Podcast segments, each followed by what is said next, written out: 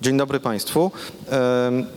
Z lekkim opóźnieniem e, i z zakłopotaniem, że jeszcze nie wszyscy paneliści, których zapowiedzieliśmy dzisiaj są obecni, ale wiemy, że są w drodze, ale mimo to, jeśli Państwo pozwolą, rozpoczniemy, żeby nie trzymać, e, e, nie, żeby napięcie nie rosło.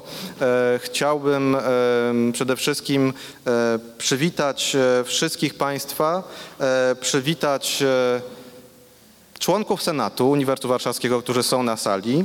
E, Chciałbym przywitać historyków pracujących w Instytucie Historycznym oraz pracujących w Uniwersytecie Warszawskim w innych miejscach poza Instytutem Historycznym. E, Chciałbym przywitać dwoje byłych dyrektorów Instytutu Historycznego, panią profesor Marię Koczerską oraz pana profesora Michała Tymowskiego.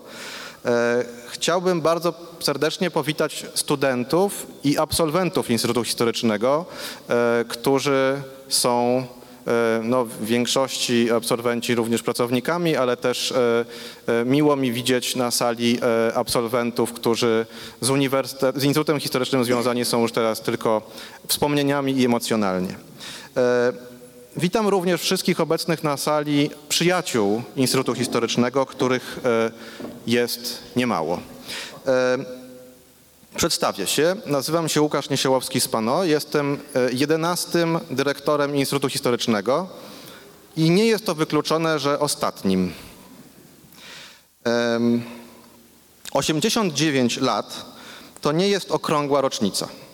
Zaprosiliśmy Państwa z okazji tej nieokrągłej rocznicy, ponieważ obchodzimy w tym roku również 30. rocznicę wyborów e, w marcu, w czerwcu 89 roku oraz obrad Okrągłego Stołu. E, Ponieważ nasze środowisko odegrało w tych wydarzeniach pewną rolę, uznaliśmy tę rocznicę za wystarczający powód do spotkania. Chcemy dziś opowiedzieć między innymi o takich właśnie zaangażowaniach Instytutu w wielką e, polską historię, ale także chcemy powiedzieć o roli Instytutu w sprawach, w sprawy uniwersytetu, w historię naszego uniwersytetu. E, Jako pierwszego poproszę o zabranie głosu e, pana profesora Jarosława Czubatego, absolwenta Instytutu Historycznego rocznik 1986 i jak wiele na to wskazuje, ostatniego przewodniczącego Rady Naukowej Instytutu Historycznego. Szanowni Państwo, y, jak wspomniał Pan Dyrektor, y, dzisiejsze spotkanie inauguruje y, cykl spotkań związanych z obchodami y, 90. rocznicy utworzenia Instytutu Historycznego na Uniwersytecie Warszawskim. E, Okrągłą rocznicę będziemy obchodzić za rok w zupełnie nowej sytuacji, kiedy zapadną już e, postanowienia dotyczące, określające kształt, przyszły kształt Uniwersytetu Warszawskiego, zasady jego funkcjonowania. Przypadku Instytutu Historycznego będą to rozstrzygnięcia dotyczące jego podmiotowości i odrębności. E, I jak sądzę, powinniśmy wszyscy śledzić e, proces podejmowania tych decyzji z należytą uwagą. E, 90. rocznica robi wrażenie, nawet na historyku, który jest przywykł do analizy procesów, zdarzeń, zjawisk, tendencji z epok znacznie wcześniejszych niż rok 1930. W tego typu sytuacjach zwykle mówi się o dorobku naukowym, o osiągnięciach dydaktycznych. E, I z pewnością o tym jeszcze będziemy mówić. Natomiast dziś skupimy się na udziale historyków e, e, z naszego instytutu w najważniejszych wydarzeniach w historii Polski XX wieku i o pewnej specyfice tego środowiska.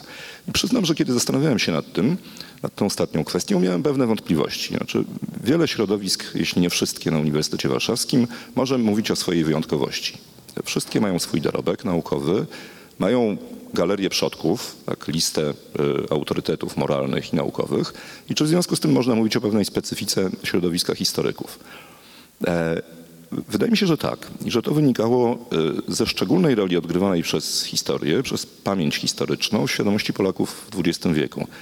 E, Jeśli Państwo pozwolą, sięgnę do własnych wspomnień. Kiedy byłem studentem Instytutu w burzliwych latach 80., to pamiętam, że e, osoby, które dowiadywały się, że studiuję historię, bardzo często, chyba najczęściej zadawane pytanie, jakie kierowano pod moim adresem, było, jak to naprawdę było z Katyniem. Ja na początku myślałem, że to jest efekt nieświadomości potwierdzającej pewną skuteczność komunistycznej manipulacji, ale potem doszedłem do wniosku, że w większości przypadków oczekuje się ode mnie potwierdzenia, że to była zbrodnia stalinowska, czyli potwier- oficjalnego potwierdzenia tego faktu ze strony osoby zajmującej się studiowaniem czy, czy uprawianiem naukowo historii. E, I być może e, z, tej, z tego oczekiwania na szczególną rolę historyka, pozanaukową rolę historyka, historyka jako swego rodzaju strażnika pamięci narodowej, e, wynikało żywe zaangażowanie wielu przedstawicieli środowiska Instytutu Historycznego w działalność polityczną i ruchy społeczne w czasach PRL-u. Więcej z pewnością e, powiedzą nam o tym nasi paneliści, których również serdecznie witam, dziękując za przyjęcie udziału, e, e, za zgodę na udział w naszej dyskusji. Dziękuję bardzo. Zanim przedstawię uczestników naszego, e, dzisiejszej sesji, naszych panelistów, e, to jeszcze dwa komunikaty. Pierwszy jest logistyczny. E, W pierwszych rzędach są krzesła z napisem rezerwacja. E, One są puste, więc jak Państwo stojący mieliby ochotę usiąść, to e, proszę się czuć osobami e, e, VIP i można usiąść w pierwszym rzędzie. E, Drugi komunikat jest, e, e, wynika z niejakiego naszego zakłopotania, mianowicie e, nasz absolwent, jeden z wybitniejszych naszych absolwentów, profesor Dariusz Stola, który jest na sali, bardzo pozdrawiamy pana profesora, ma za trzy kwadranse wykład e, na temat historii badań e, nad e, Holokaustem i e, jesteśmy, jest nam przykro, że nie jesteśmy w stanie przesunąć terminu tego spotkania, e, ale tak jak usłyszałem od pana profesora, sercem i duchem pozostanie z nami tutaj jako nasz oddany absolwent. E, Bardzo dziękuję. Chciałbym przedstawić osoby, które zgodziły się wystąpić w dzisiejszym e, panelu. W e, pierwszej kolejności oddam głos e, profesorowi Piotrowi Majewskiemu, absolwentowi Instytutu Historycznego rocznik 1995, historykowi XX wieku, współautorowi i współredaktorowi tomu poświęconego historii Uniwersytetu Warszawskiego w XX wieku i byłemu zastępcy dyrektora Muzeum II wojny światowej w Gdańsku. Następnie otwo- otworzymy panel, część dyskusyjną, w którym e, uczestniczyć będą siedzący e, za stołem e, od Państwa lewej strony pan profesor Błażej Brzostek, absolwent Instytutu Historycznego 2001, historyk zajmujący się historią społeczną drugiej połowy XX wieku, współautor tomu o historii Uniwersytetu Warszawskiego po roku 1945.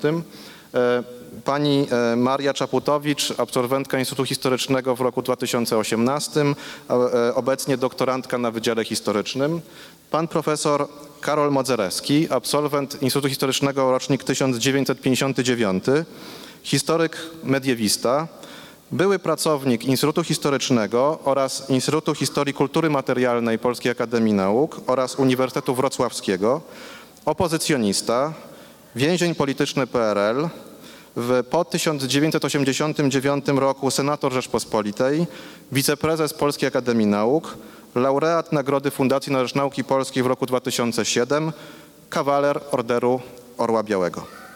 Pan profesor Michał Tymowski, e, absolwent Instytutu Historycznego w roku 1964, historyk mediewista, przez całe zawodowe życie związane z Instytutem Historycznym, dyrektor Instytutu Historycznego w latach 2002-2008.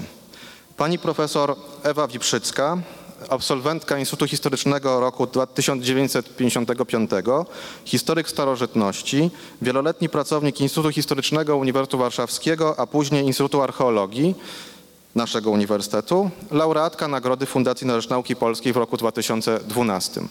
Dołączy do nas jeszcze e, spóźniona z mojej winy e, pani Justyna Durjasz, absolwentka Instytutu Historycznego w roku 1990, e, działaczka organizacji pozarządowych, ale mam nadzieję, że tak po cichu przemknie się pomiędzy państwem i dołączy do panelistów, kiedy zaczniemy panel. Jako pierwszego o zabranie głosu w tej części proszę profesora Majewskiego. Dziękuję. E, Dzień dobry. E, Jest mi bardzo miło, że mogę e, wygłosić takie właściwie mm, wprowadzenie na temat można powiedzieć, prehistorii Instytutu, mianowicie jego powstania i funkcjonowania do końca II wojny światowej. Tak, żeby mm, przedstawić Państwu skalę zmian, jakie nastąpiły pomiędzy początkami e, odrodzonego w 15 roku Uniwersytetu i e, uprawianej tutaj, e, uprawianych tutaj nauk historycznych, to powiem, że właśnie w 1915 roku, kiedy, kiedy mm, Uniwersytet został zrepolonizowany, jak to wtedy mówiono, sekcja historyczna liczyła czterech wykładowców i 20 słuchaczy. To jest taki punkt wyjścia. E, W momencie, kiedy powstaje Instytut Historyczny, czyli e, w roku 1930, to już jest siedem katedr. W latach, e, no pod koniec lat 30. będzie tutaj studiowało kilkuset studentów. Kadra będzie liczyła, jeśli dobrze wyliczyłem, 49 osób, siedmiu profesorów zwyczajnych, dwóch profesorów tytularnych, sześciu docentów i dziesięciu wykładowców oraz asystentów, więc e, no niewątpliwie ten okres międzywojenny e, zaznacza się takim, taką wyraźną rozbudową e, środowiska historycznego i e, również e, naszej, e, naszej instytucji. E, Jest pewnym paradoksem, e, takim, takim wręcz zabawnym, że e, Instytut, e, który zajmuje się historią, e, nie potrafi podać daty swojego powstania. Tak rzeczywiście jest. Nie wiemy, kiedy dokładnie e, Instytut Historyczny został e, utworzony. Wiemy tylko, że 31 marca 1931 roku e, Ministerstwo Wyznań Religijnych i Oświecenia Publicznego przyjęło do aprobującej wiadomości fakt powstania takiej instytucji pod kierownictwem profesorego Marcelego Handelsmana z bardzo e, wyraźnym zastrzeżeniem, że nie może to powodować żadnych zobowiązań budżetowych, to znaczy, że nie, można wydawać e, więcej e, pieniędzy. E, Po, pojawia się pytanie, jaka właściwie była e, przyczyna powstania tego instytutu, który jest właściwie e, federacją dość luźną e, siedmiu, później ośmiu e, katedr. Bliżej, tak, na pewno. Mhm. E, Który jest, który jest luźną federacją siedmiu, później ośmiu e, katedr, e, no i takim, można powiedzieć, miejscem pracy najpierw kilkunastu, później kilkudziesięciu osób. Jak się wydaje, y, można to wywnioskować y, chociażby z relacji y, Aleksandra Gejsztora, główną przyczyną były nawet nie tyle tak zwane względy środowiskowe, o których za chwileczkę, ile potrzeby dydaktyczne. Ponieważ w 27 roku Doszło nie tylko do podziału e, Wydziału e, Filozoficznego na humanistyczny i matematyczno-przyrodniczy, ale również e, wprowadzono studia magisterskie, których przedtem nie było. Przedtem na Uniwersytecie Warszawskim studiowało się w ramach takiego niemieckiego systemu Freies Studium, składając tyle egzaminów, ile się będzie chciało, czy ile się chciało, chodząc na takie zajęcia, na jakie się chciało. Od kiedy wprowadzono studia magisterskie, e, przyjęto, że wszystkich studiujących obowiązuje pewien e, zestandaryzowany zestaw egzaminów. I jak się wydaje, właśnie po to, z przyczyn dydaktycznych, e, siedmiu profesorów, którzy kierowali e, katedrami historycznymi. To były historia, katedra historii starożytnej, katedra historii powszechnej, historii Polski wieków średnich, historii nowożytnej Polski, historii Europy Środkowo-Wschodniej, e, e, zakład historii gospodarczej i społecznej oraz e, katedra historii Ukrainy. E, Ci profesorowie porozumieli się, aby e, zapewnić studentom optymalny tok studiów. E, Można powiedzieć, że w ogólnych zarysach zbliżony do tego, co obowiązuje studentów e, Instytutu Historycznego do dzisiaj. To znaczy, żeby zdawali kolejne egzaminy, wielkie egzaminy e, epokowe w odpowiednim, w dowolnym porządku, ale no, w, w zestandaryzowanym systemie. I to, jak się wydaje, dość dobrze się udało i spowodowało, że ten eksperyment w postaci Instytutu Historycznego e, przetrwał. Po drugie, niewątpliwie utworzenie Instytutu było dowodem pewnej odrębności środowiskowej. To znaczy e, historycy, e, którzy e, pracowali e, tutaj właśnie na Wydziale e, Humanistycznym, a e, przedtem filozoficznym, no e, ewidentnie czuli się w jakiś sposób odrębni od reszty tego wydziału, co e, spowodowało, że e, no, zapragnęli w jakiś e, taki właśnie sposób e, instytucjonalny te e, swoje, to swoje środowisko e, wyodrębnić. E, Z tym się wiąże jeszcze jedna, jak sądzę, przyczyna, a mianowicie potrzeba posiadania pewnego forum, e, wyodrębnienia pewnego forum, gdzie spotykały się idee, pomysły, ale gdzie też spotykali się bardzo e, różni ludzie. To, jak może niektórzy z Państwa wiedzą, nie był od samego początku ten gmach. Tutaj Instytut Historyczny trafił dopiero w 1938 roku. Był to e, tak zwany gmach seminaryjny, czyli budynek, jeden z budynków e, dzisiejszego prawa, e, gdzie Warunki, w jakich tam pracowano, były bardzo skromne, ale przypominały takie, które wielu z nas pamięta z tego budynku z góry, kiedy na przykład istniał jeszcze pokój asystentów. I pozwolę sobie przeczytać Państwu taki cytat właśnie z relacji Aleksandra Gejsztora, który opisuje e, następująco tamto miejsce. Lokal dawnego seminarium historycznego a od roku 1930-31 Instytutu Historycznego w gmachu seminaryjnym pozostawał miejscem spotkań historyków kilku pokoleń.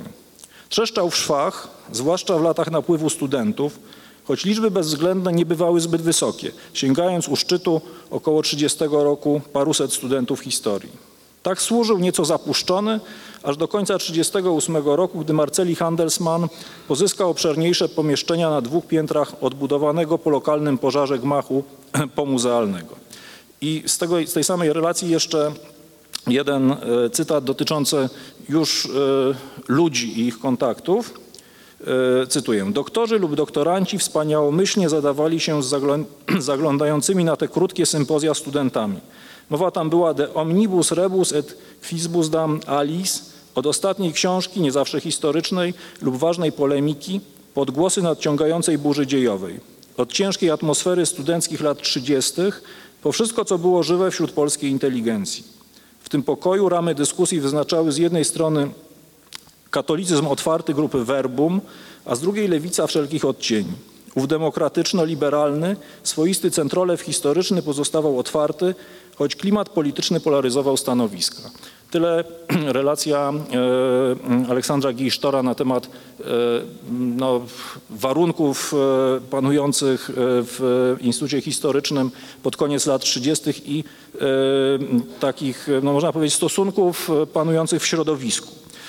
Z takim mniej więcej bagażem doświadczeń Instytut Historyczny wchodzi w II wojnę światową, która przynajmniej na początku e, nie jest e, no, bardzo dla niego okrutna, to znaczy straty ludzkie są przynajmniej w pierwszej fazie wojny stosunkowo, e, stosunkowo niewielkie. Zostaje zniszczony e, czy uszkodzony w każdym razie poważnie ten budynek, z którego zresztą e, nauka się musi wynieść. No i e, praca e, uniwersytecka przenosi się do podziemia, przenosi się do e, prywatnych mieszkań. Na początku w ogóle zresztą zamiera. Dopiero w 1940 roku, kiedy już staje się jasne, że wojna będzie dużo dłuższa niż na początku oczekiwano, z inicjatywy dyrektorów warszawskich szkół średnich e, pracownicy Instytutu Historycznego angażują się w stworzenie w konspiracji tajnego nauczania. Prowadzone jest seminarium historyczne, na czele którego staje Tadeusz Manteuffel, który też e, no, przejmuje, można powiedzieć, po swoim mistrzu Marcelim Handelsmanie e, rolę mm, takiego głównego zwornika tego środowiska i człowieka, który no, bierze na siebie odpowiedzialność za e, cały instytut. Od jesieni 1941 roku, kiedy to seminarium historyczne rusza, ono będzie się rozwijało bardzo aktywnie. Y, No, będą nawet miały miejsce y, obrony prac doktorskich, jak chociażby właśnie Aleksandra Gisztora. E, I będzie przykładem no, y, jednej z takich bardziej spektakularnych podziemnych inicjatyw edukacyjnych.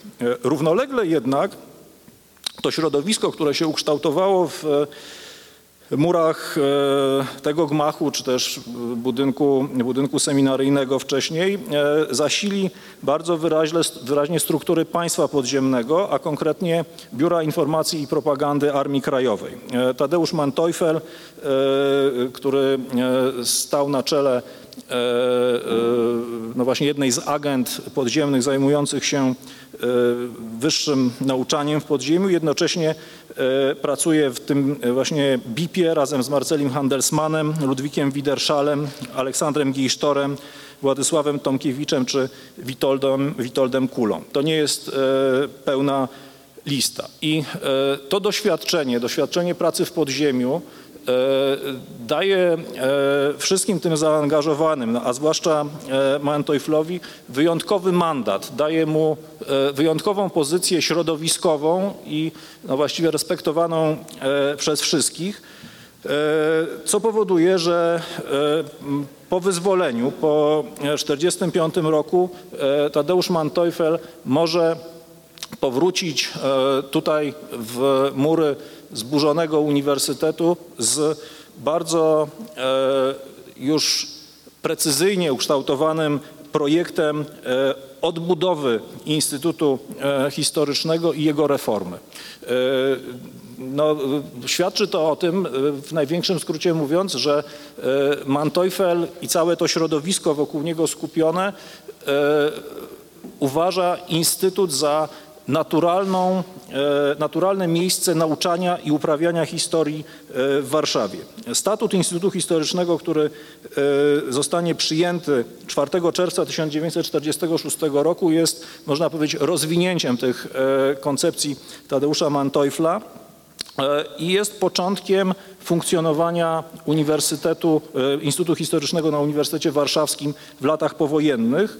Oczywiście w trudnych czasach, które nadchodziły, ale jednak e, funkcjonowania opartego właśnie o tę strukturę. I tego dotyczyć będzie nasza e, dyskusja. Dziękuję, oddaję Państwu głos.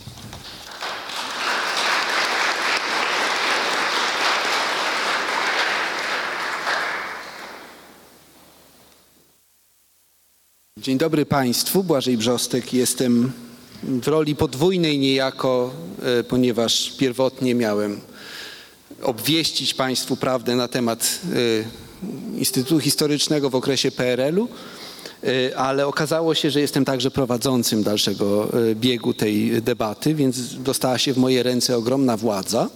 Aczkolwiek muszę też powściągnąć ego, które to zawsze jest trudne w męskim jednak środowisku historyków i nieco skrócić to, co chciałem powiedzieć pierwotnie. E, Więc pozwólcie Państwo, że w ciągu pięciu minut spróbuję powiedzieć to, co chciałem powiedzieć w ciągu 15, e, a potem będę prosił e, uczestników naszej debaty, których łączy. Dobrze, jedni chcą zawsze bliżej, drudzy dalej. To się nie da nigdy uzgodnić. Dobrze. W każdym razie spróbuję powiedzieć w sposób zrozumiały, że nie wiem, jakim kluczem, według jakiej hierarchii, jakiej logiki udzielać głosu dzisiejszym mówcom, ponieważ wszyscy są naszymi przyjaciółmi z Instytutu Historycznego. Dzieli ich e, dystans wieku i w tym sensie hierarchizowanie ich e, wedle wieku byłoby niewłaściwe. E, Podobnie jak doświadczenia, które ich łączą i dzielą, więc pozwolę sobie to zrobić na zasadzie zupełnie e, dowolnej. Natomiast wcześniej chciałem powiedzieć parę słów na temat e, nie instytutu, tylko uniwersytetu w okresie PRL-u. E, Tak się złożyło, że e, trzy lata temu e, świętowaliśmy nieprawdziwe dwustulecie założenia naszej uczelni. Nieprawdziwe, ponieważ ciągłości 200 lat jako żywo w tych dziejach nie ma. E, I wokół tego też wybuchały różne kłótnie. E, Nie chcę mówić o Instytucie Historycznym, tylko o pewnych e, problemach relacji między Instytutem a światem. Problemy tych relacji mają to do siebie, że Instytut zawsze był częścią dużej całości wydziału, uniwersytetu i państwa. Interesy państwa, uniwersytetu, wydziału i instytutu historycznie były często rozbieżne. Mam wrażenie, że e, sytuacja taka spotyka nas także dzisiaj. W okresie PRL e, problem wydawał się e, niejako uproszczony, ponieważ to świat polityki naciskał przede wszystkim na uniwersytet, aby on zmieniał swoje struktury wedle potrzeb rządzących. Dzisiaj rządzący zostawili nam przywilej reformowania uniwersytetu wedle naszych własnych potrzeb. I powstało pytanie, czyje to są potrzeby? Kto jest reprezentantem tych potrzeb, kto ma prawo wypowiadać się w imieniu całości? E, Nie chcę mówić o tym, co jest dziś, natomiast chciałbym powiedzieć parę słów o tym, co było e, w Polskiej Rzeczypospolitej Ludowej. Otóż e, wówczas wydawało się, że podstawowy podział przebiega pomiędzy e, uczelnią jako całością autonomiczną lub dążącą do autonomii, a państwem, które wyraża interesy zupełnie przeciwne, to znaczy żadnej autonomii nie toleruje. E, I ten brak tolerancji dla autonomii przybierał dwie zasadnicze formy. Pierwsza miała charakter, jak mówią specjaliści nauk politycznych, autorytarny, a druga totalitarny. E, Pierwsza autorytarna próba pozbawienia Uniwersytetu autonomii miała miejsce w roku 1948. Mianowicie stworzono e, Radę Główną Nauki i Szkolnictwa Wyższego, która niejako autonomię wszystkich uniwersytetów miała ucieleśniać, jednocześnie im ją odbierając i reprezentując ją wobec państwa. Innymi słowy, to Rada miała decydować o strukturach uczelni, ich obsadzie kadrowej, ich rektorach i być taką emanacją e, zbiorowej e, autonomii uniwersytetów wobec jednolitego ciała władzy. Wydaje się, że była to e, pewna przejściowa propozycja, która miała należeć do okresu próby totalitaryzacji państwa polskiego. E, Ta próba się e, w pełni e, zrealizowała w ustawie z 1951 roku. Wtedy uniwersytetom odebrano wszelką autonomię do tego stopnia, że ich rektorzy mieli być powoływani przez ministra szkolnictwa wyższego i w ślad za tym oddano im pełnię władzy nad strukturami uczelni, to znaczy to oni mieli powoływać dziekanów. Dziekani zaś mieli powoływać tego, kogo chcieli. E, To był typowy, e, sztywny, jak to mówią w Rosji dzisiejszej, e, sz- sztywny pion władzy, czy też twardy pion władzy, który sprowadzał, przekazywał niejako jednoosobową władzę partyjną na jednoosobową władzę uczelni. Ponieważ w PRL ten eksperyment się nie powiódł, w 1956 roku znowelizowano ustawę, liberalizując ją w ten sposób, że e, rektorzy mieli być wybierani przez władze uczelni, ale za zgodą ministra. Innymi słowy, e, powiedziałbym, że ideałem tego etapu rządów, tego etapu historii Polski było mianowanie. Mianowanie rektora, mianowanie dziekana, mianowanie wszystkich innych przez dziekana było idealną sytuacją totalitarnego państwa, ponieważ PRL takim państwem się nie stał ostatecznie. Szukano wyjść pośrednich, e, które miały postać wyborów indykacyjnych.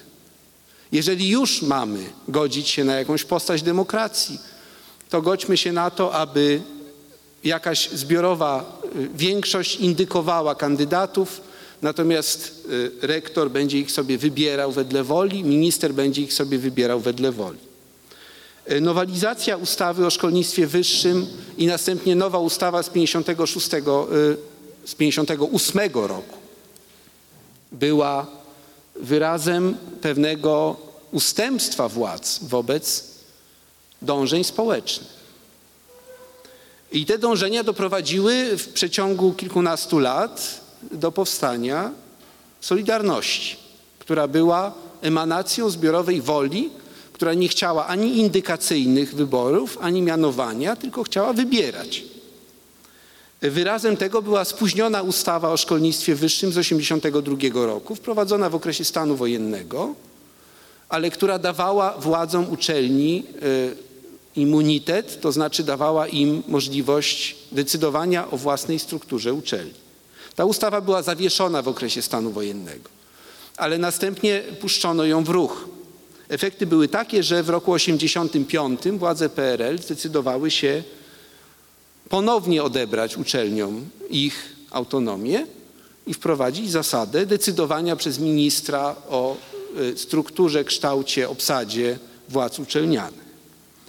Y, Taka była historia y, przeze mnie opowiedziana, można na pewno opowiedzieć ją w 27 różnych sposobów y, odbierania uczelniom wewnętrznej autonomii, która w gruncie rzeczy jest osią istnienia uniwersytetów.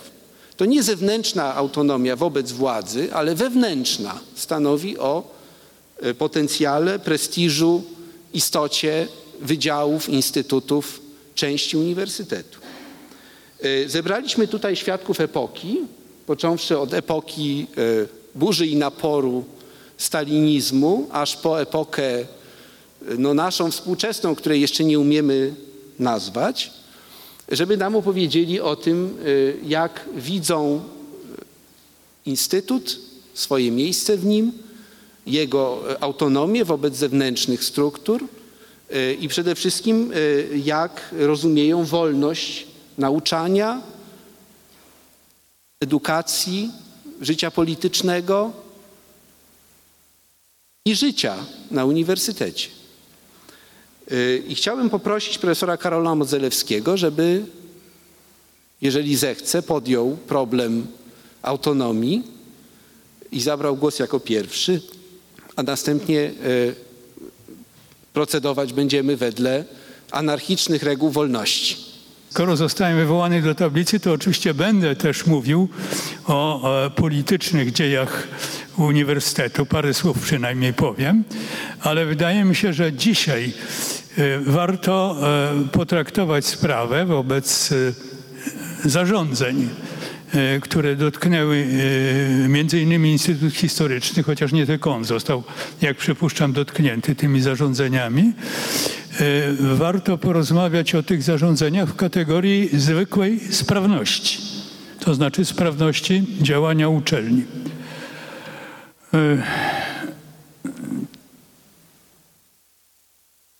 Te zarządzenia, to znaczy ten projekt statutu uniwersyteckiego e, nosi znamiona, nie wiem kto go pisał, ale widać po treści. Co? Przybliżaj się, tak było nic nie słyszą. Jak będziesz Teraz- dalej, to będzie mniej pogłosu. Aha, dobrze. Słychać teraz? No więc e, powiedziałbym, widać rękę, a właściwie mózg e, autora, który e, musi być wedle niechybnych oznak przedstawicielem tak zwanych nauk ścisłych, to znaczy matematycznych, przyrodniczych. E, z punktu widzenia tych nauk różnice między fizyką a chemią są e, w dydaktyce i także w badaniach naukowych właściwie drugorzędne. To znaczy można organizować dydaktykę wedle tych samych zasad i dla fizyków, i dla chemików, i może nawet dla matematyków. Był kiedyś taki wydział matfischem i może on oddawał tę myśl generalną. E, Ale e, ta ta wyobraźnia, która sprawia, że różne dziedziny nauki są jak klocki, które można dowolnie przestawiać, y, przesuwa się na obszar nauk humanistycznych jedynie w tym, w tym ekonomii oczywiście, która do nauk humanistycznych się zalicza wbrew e, dążeniom ekonomistów. E, więc e, odnosi się, z, właściwie się nie odnosi, prawdę mówiąc. E, W naszym wypadku oznaczałoby to, że Instytut Historyczny nie będzie gospodarzem dydaktyki i prac badawczych w zakresie historii, tylko będzie nim Wydział Historyczny, a więc ciało zrzeszające historyków, archeologów, historyków sztuki i muzykologów. Tymczasem dydaktyka, to jak Państwo wiedzą z doświadczenia, cała dydaktyka w zakresie historii skupia się w rękach Instytutu Historycznego. E, O tej dydaktyce muzykolog ma bardzo średnie, a niżej średniego chyba, wyobrażenie i słusznie, bo to nie jest jego działka. E, Podobnie można powiedzieć o archeologu, mimo że dyscyplinowo jest on nam bliższy, jeśli chodzi o problematykę, ale do dydaktyki historycznej nie będziemy go raczej powoływać. E, Głównym zadaniem instytutów jest dydaktyka i organizowanie badań. Bez jedno i drugie musi być razem, dlatego że mm, uczony byłby kiepskim uczonym, gdyby nie pobierał impulsów twórczych ze swojego kontaktu z uczniami, to znaczy z dydaktyki. E, Praca badawcza i praca dydaktyczna są, powinny być z tego punktu widzenia nierozdzielne, a praca dydaktyczna, wyobrażenia oni mają, którzy ją prowadzą. W dziedzinie historii mają oni, mają wyobrażenie historycy i kropka. I kropka. E, inaczej mówiąc, oznaczałoby to, że dydaktyką ma się zajmować wydział, e, który z natury rzeczy ma dużo mniejsze pojęcie o dydaktyce historii niż pracownicy Instytutu Historycznego. To jest krok w kierunku no, merytorycznej destrukcji dydaktyki uniwersytetu. Nie, tyczy, nie dotyczy to tylko historii, ale także innych wydziałów humanistycznych e, i merytorycznej destrukcji organizacji prac badawczych. E, Co e, w tej sytuacji należy zrobić? Ja bym powiedział tak. Ja jestem, e, znaczy mam swoje doświadczenia pozadydaktyczne i pozauniwersyteckie. E, I z punktu widzenia tych doświadczeń chciałbym podpowiedzieć Państwu, inaczej nie mogę tylko podpowiadać, bo nie jestem pracownikiem, już dawno jestem na emeryturze. Ale ja bym był skłonny e, rozporządzenia, które powodowałyby destrukcję naszej działalności dydaktycznej i badawczej, po prostu zignorować i robić swoje. Jeśli e, zgodnie z tym regulaminem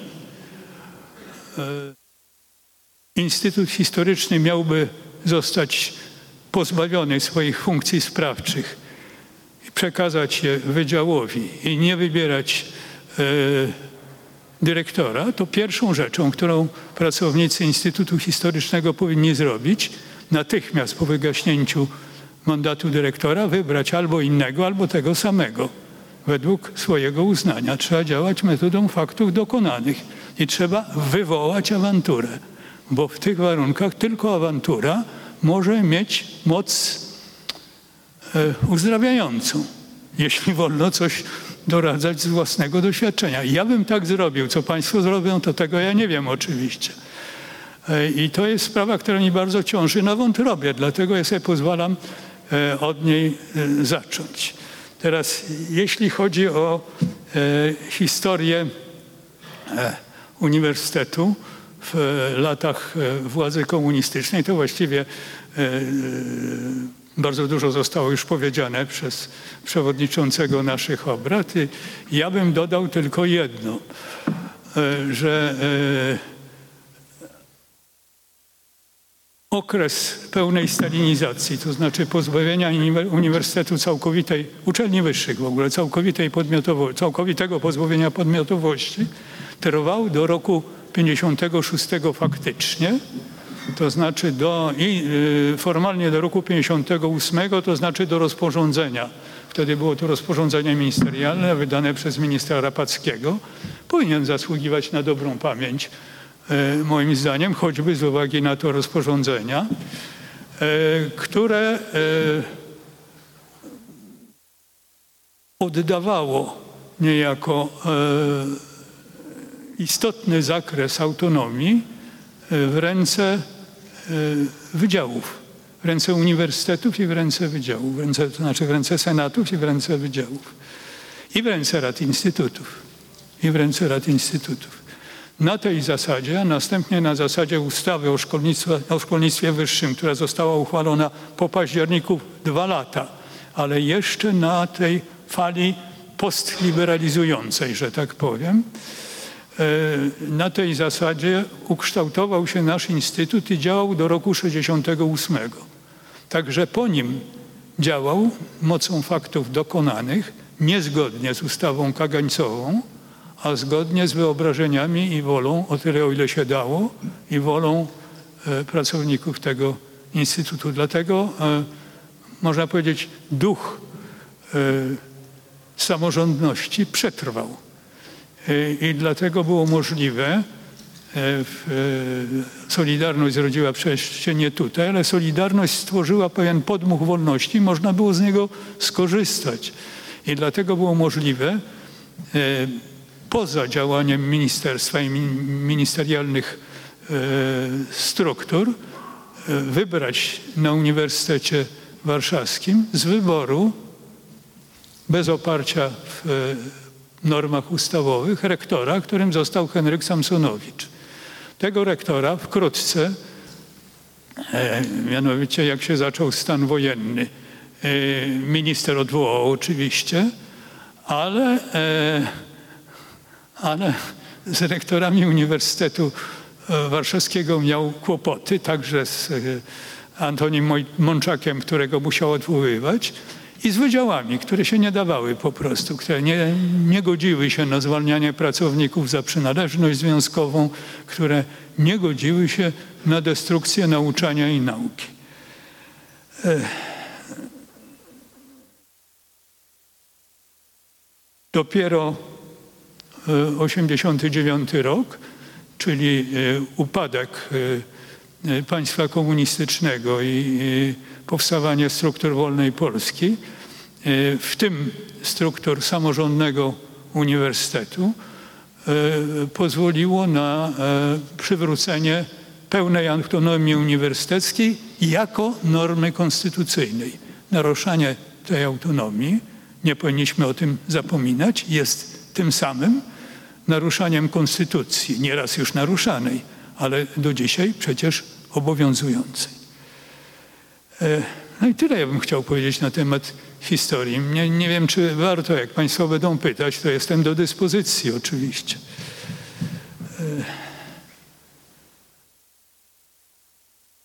Dodałbym może jeszcze, dobrze, to ja, ja się zdam po prostu na Państwa pytania. Nie będę przeciągał tego.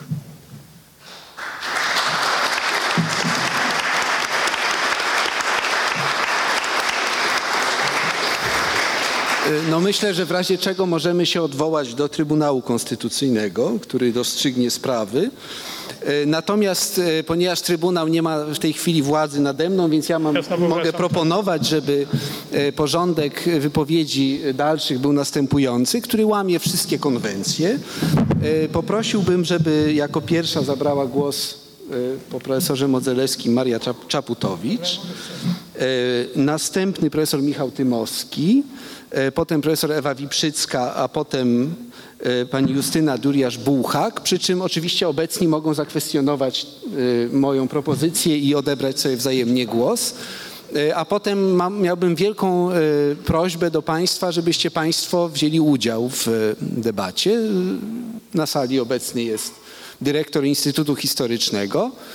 Nie wiem, czy to jest najwyższy szarżą tutaj obecny, ale w każdym razie kompetentny E, i wszelkie pytania, uwagi, wątpliwości, krytyki, jakie się odnoszą do obecnej sytuacji, proszę kierować e, no, do rozproszonej mądrości, tudzież do osób kompetentnych na sali. Bardzo dziękuję.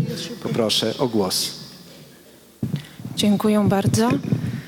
Em, Jestem, czuję się zaszczycona i jestem onieśmielona tą rolą. E, Jakim kluczem zostali wybrani reszta panelistów jest dla mnie jasne. Sama czytałam ich książki, czytałam o nich w książkach. Jakim kluczem ja nie, jest dla mnie mniej jasne, ale pos, myślę, że mam reprezentować to pokolenie historyków, które chętniej niż z książek historii uczy się z memów, więc postaram się w tę rolę jakoś wejść i opowiedzieć o tym, jak e, z mojej perspektywy, a też z perspektywy e, moich znajomych, innych absolwentów Instytutu, którzy e, pomogli mi, doradzili mi i, i, i opowiedzieli mi o swoich doświadczeniach związanych z Instytutem na potrzeby tego, tej, tej, tej wypowiedzi. No właśnie, pokazać jak w, w naszym, y, jak my to środowisko widzimy i jak my widzimy jego udział w debacie y, publicznej. E, za to, że teraz za atrakcyjne sposoby prezentowania treści historycznych uznawane są głównie rekonstrukcje historyczne, koncerty czy filmy kinowe. Wiemy, e, wiemy to z badań e, socjologicznych i rzeczywiście ja należę do tego pokolenia, które o tych alarmujących wskaźnikach czytelnictwa Biblioteki Narodowej e, wie od e, urodzenia, nie pamięta czasów, gdy one takie nie były. E, Nie pamięta też czasów, kiedy nie dało się jakiejś debaty streścić w 140 znakach na e, poście, w poście na Twitterze, ale też należy do tego pokolenia, które skończyło studia w okresie boomu historycznego, boomu na pamięć, e, w okresie, w którym rola tej historii w debacie publicznej jest ogromna e, i kiedy powstają dziesiątki nowych muzeów. E, Z jednej z, więc strony zdajemy sobie sprawę z tych problemów, jakie, jakie, w jakie uwikłana jest debata e, historyczna, e, historia w debacie publicznej. Z drugiej zaś strony, mimo wszystko, e, ten boom historyczny, to zainteresowanie historią, patrzymy na nie jako na szansę, na wyzwania, ale też właśnie na szansę.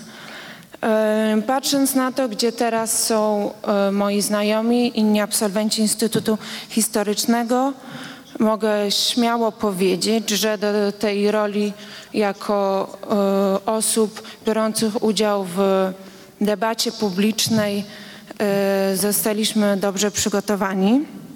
Mm, Wydaje mi się, i tutaj właśnie wszyscy, y, wszyscy, których pytałam, mówili podkreśl to, to jest najważniejsze. Zostaliśmy przygotowani nie tylko do tego, żeby mm, wykładać, prowadzić zajęcia, ale przede wszystkim, żeby właśnie wejść w rolę tych historyków przestrzeni publicznej, e, uprawiać tą tak zwaną public history, historię stosowaną, starać się z przekazem historycznym dotrzeć do różnych grup odbiorców, e, które mają różne potrzeby, różne oczekiwania, różne możliwości. Zeszliśmy z katedry y, wykładowej, ale z drugiej strony zbliżyliśmy się do ludzi E, i e, wydaje się, że nie, zostaliśmy do tego przygotowani na różne sposoby. Na pewno poprzez zajęcia popularyzatorskie, teksty dziennikarskie. Pierwsze nasze teksty napisane na zajęciach często stawały się naszym debiutem pisarskim, e, praktyki, na pewno działalność szkół naukowych. Wiem, że większość spośród panelistów do e, Studenckiego Koła Naukowego Historyków w którymś momencie jego, jego działania należała. E, ale to nam wszystko dało możliwość i poczucie bezpieczeństwa, ośmieliło nas do eksperymentowania, organizowania własnych projektów, e, zakładania nowych sekcji. E, Dopiero co wciąż powstają sekcje, dopiero co powstała sekcja historii kobiet, nowe koła powstają naukowe, jak koło dydaktyki historii, wyjeżdżania za granicę, e, organizowane są wyjazdy do, w, w, w, wielu kierunkach, między innymi też do Iranu, ale to wszystko jakoś złożyło się na tą specyfikę, która chyba była konieczna, e, stworzenie jakiegoś takiego e, dla nas e, bezpiecznego punktu wyjścia, ale też fermentu intelektualnego, który jest konieczny przy tworzeniu nauki, mieliśmy pole do eksperymentowania i poszukiwań, e, dyskutowania, debatowania. E, Widoczny był na pewno, nadal jest widoczny pluralizm i różnorodność, ale E, ale pozwoliło nam to, on był motorem naszych działań, pozwoliło nam to wejść w interakcję nie tylko w ramach Instytutu, ale też wyjść poza Instytut, wejść w interakcję właśnie ze, ze światem poza murami Instytutu Mm. i też postawić granice właśnie w miejscu, w którym e, Instytut i debata naukowa mógł się oddzielić od, e, od, od tego, co jest na zewnątrz i, i wytrwać przy swoim, e, rządzić się swoimi prawami. E, Niewątpliwie ten ferment nie byłby możliwy, gdyby nie środowisko, e, do którego każdy niejako e, przynależy od momentu, w którym e, wszedł w mury Instytutu. E, I chyba najlepiej o, o, o wadze tego środowiska świadczy fakt, ilu, ile nas tu osób się zebrało dzisiaj. Innym faktem może być to, że parę miesięcy temu w tej samej sali pewnie podobna liczba osób się zebrała na ślubie moich znajomych, którzy się poznali na pierwszym roku studiów, teraz są doktorantami. E, Ale y, środowisko to jest z jednej strony na pewno y, sumą pracy zeszłych pokoleń, jest też sposobem, zasługą dydaktyki, e, gdzie można by dużo mówić i e, długo się zastanawiać, co jest kluczem, e, ale na pewno małe grupy, na pewno słynne objazdy, które już przeszły do legendy, ale też codzienne funkcjonowanie Instytutu z lektorium, z wszystkimi pracownikami e, nienaukowymi, którzy też przecież są jego nie mniej istotną częścią. E, No i wreszcie też relacje między studentami a wykładowcami, które chyba, chyba można nie na wyrost nazwać, że, że nawiązają do, nawiązują do relacji mistrz-uczeń, e, którzy często właśnie nie tylko są, e, pełnią rolę wykładowców akademickich, ale też e, pokazują, jak właśnie rolę historyka w debacie publicznej można kształtować, są dla nas, prowokują nas do myślenia i, i, i możemy się dzięki temu dużo od nich uczyć. Pamiętam zajęcia w ramach ścieżki popularyzatorskiej, na których y, z profesorem Borodzieją omawialiśmy, będący wtedy w zarysach, projekt Domu Historii Europejskiej, który po latach miał mm, miał zostać e, otwarty i stać się tematem tak żywych dyskusji. My e, o nim rozmawialiśmy jeszcze, jeszcze wcześniej E, i wydaje się, że e, to, to środowisko i to wszystko, czego w czasie studiów się doświadczyliśmy, e, ma szansę się przełożyć na, na życie społeczne i właśnie poczucie odpowiedzialności za kształt tej y, debaty o historii w, w mediach. I choć pewnie, i to jest pewnie też temat do dyskusji, czasami Instytut Historyczny y, nie jako stanowi, jako właśnie środowisko nie zabierał y, jednoznacznej y, jednoznacznego zdania w debacie publicznej, to jednak po, po dłuższej refleksji myślę, że, że, że dzięki temu niezależność i pluralizm wewnątrz Instytutu, który jest jego ogromną wartością, został podtrzymany, a y, to, co, to jak Instytut działa w debacie publicznej jest y, w zasadzie y, zgodne z jego misją. Mianowicie tworzy naukę i edukuje ludzi, a robi to, co widzę po, po, po absolwentach bardzo dobrze. E, Absolwenci tego instytutu już tworzą współczesną debatę, pracują w mediach, często tych, też tych najnowszych, stoją za najnowszym portalem e, internetowym, historycznym. Pracują z historią w przestrzeni publicznej i, i myślę, że to jest miara znaczenia tego instytutu, środowiska i jego dorobków w 89. rocznicę powstania. Chciałam powiedzieć, chciałam zakończyć wystąpienie, że życzyłabym, życzę Instytutowi drugie tyle lat, ale po tym wstępie chyba muszę powiedzieć, że chciałabym móc mu życzyć drugie tyle. Dziękuję.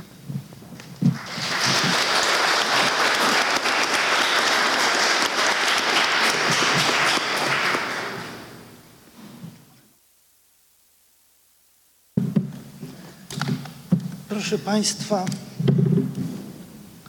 nawiążę do tego zdania, które. Czy słychać mnie w tym? Dobrze.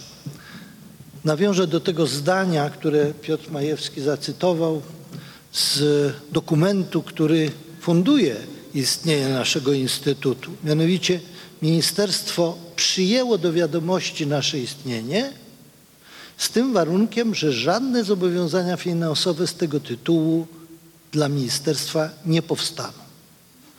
Otóż jest to właściwie taki znak na drogę naszą, na te 90 lat, które żeśmy przeszli. To znaczy władze przyjmują nasze istnienie, ale płaci, przyjmować, właśnie do tego dążę, że to się kończy.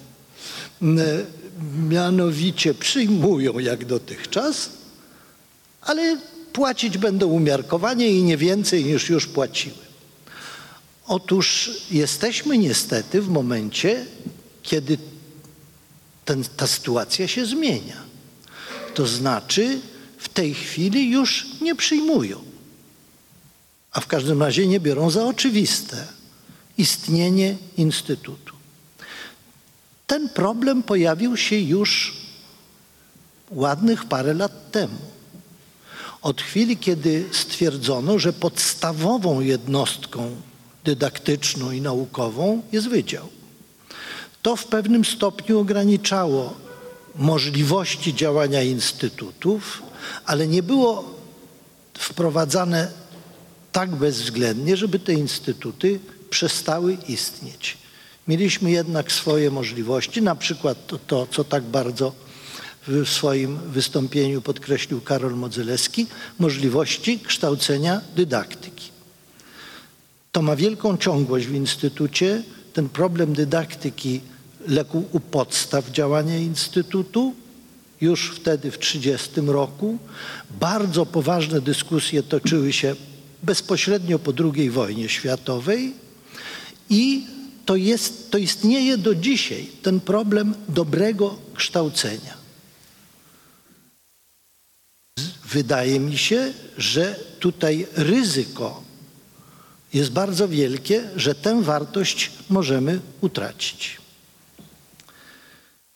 Proszę Państwa, drugie takie zdanie, które chciałbym przypomnieć i które związane jest z działaniem, istnieniem i sposobem działania naszego Instytutu, to jest zdanie, które od Tadeusza Manteuffla bezpośrednio po wojnie, kiedy wrócił do Warszawy, usłyszał Aleksander Gejsztor.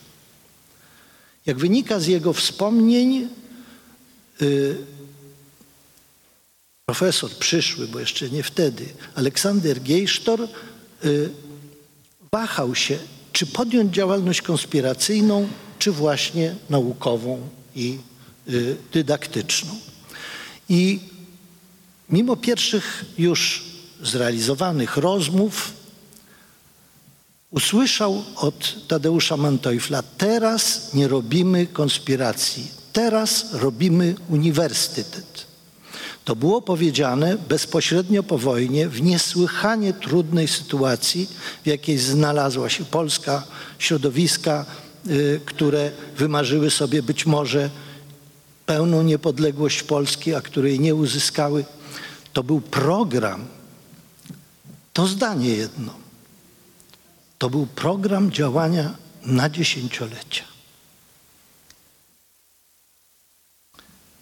Jest jeszcze trzecie zdanie, na które chciałbym zwrócić uwagę.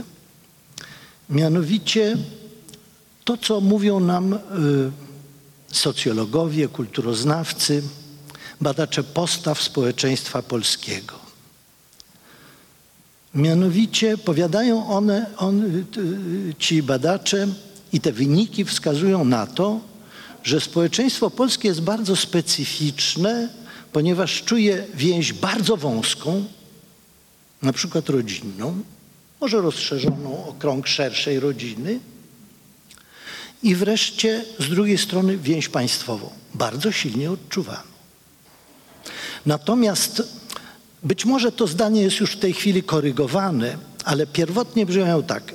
Pomiędzy tymi dwoma skrajnościami nie ma nic. Jest pustka solidarności, poczucia więzi, działania wspólnego, poczucia wspólnego dobra i tak dalej, i tak. Otóż, kiedy się nad tym słyszałem bardzo ciekawy wywiad ze współczesnym socjologiem, który mocno korygował to zdanie. Ale wydaje mi się, że wiele przemawia za takim działaniem naszego społeczeństwa, no z pewnymi jednak wyjątkami. Tym wyjątkiem jest również nasz instytut. My czujemy niezwykle silną więź z naszym środowiskiem. To być może jest trochę szersze. Wiele osób czuje więź ze swoim miejscem pracy. To znalazło wyraz w strajku gdańskim i w innych strajkach solidarnościowych. Istnieje więc jeszcze jakaś pośrednia więź i nasz instytut jest świetnym tego przykładem. To znaczy poczucia solidarności wewnętrznej, poczucia wartości tej instytucji, w której pracujemy i której służymy, poczucia wartości jej misji dydaktycznej i naukowej, to nie jest ani rodzina, ani całe państwo, tylko coś pośredniego. Być może okres ostatnich 30 już prawie lat ukształtował jeszcze inne tego typu więzi, na przykład myślę o w pewnym stopniu też w tej chwili zagrożonej więzi samorządowej. Powstało coś takiego, jak może była silna dawniej więź szersza, regionalna, no powiedzmy sobie poznańska, krakowska, czy jeszcze jakaś inna, ale w tej chwili istnieją takie kręgi samorządności w ramach państwa, które tworzą więzi dodatkowe. I chciałbym powiedzieć, że to jest ogromna, z mojego punktu widzenia, wartość. To wymknięcie się z tej dwubiegunowości. Rodzina i państwo, a w środku pustka. Działamy wedle, właściwie bez zasad, a w każdym razie bez żadnych przekonań o dobrze wspólnym, nie tak ogólnym jak całe państwo i nie tak maleńkim jak tylko najbliższe otoczenie. Dlatego warto tego instytutu bronić, jak każdego, tak, każdego takiego zjawiska, które jest zjawiskiem więzi, które skupia ludzi, nieco większe grupy społeczne i pozwala im służyć społeczeństwu. Proszę Państwa, w 75. rocznicę naszego instytutu y, były obchody, zebrania. Y, zebraliśmy się również w sali Starego Buwu. I tam występowało wielu byłych studentów naszego instytutu. Drugie takie zebranie było w audytorium Maksimum, czyli to było takie wielokrotne powtórzenie czego? Tego, że wszyscy ci absolwenci, bez względu na epokę, w której kończyli studia, a to było bardzo różnie, y, Instytut przechodził najróżniejsze fazy y, działania. Otóż wszyscy oni mówili, jaką dla nich w przyszłym ich życiu wartością były studia. I dzisiaj z tak ogromną przyjemnością i satysfakcją słyszałem Pani, ponieważ to jest taka kontynuacja tego sposobu myślenia i tego, co myślicie Państwo, co zawdzięczacie temu instytutowi, który współtworzyć będziecie przecież w przyszłości. Więc y, miałem mówić o powstaniu Solidarności w naszym instytucie, ale przyznam, to jest dobrze opisane i y, wydawało mi się, że ta refleksja nad kilkoma właśnie zdaniami, które tam rzucają takie światło na to, co jest dla nas wartością, no, wydawała mi się w tej chwili ważniejsza. Dziękuję pan, bardzo Państwu.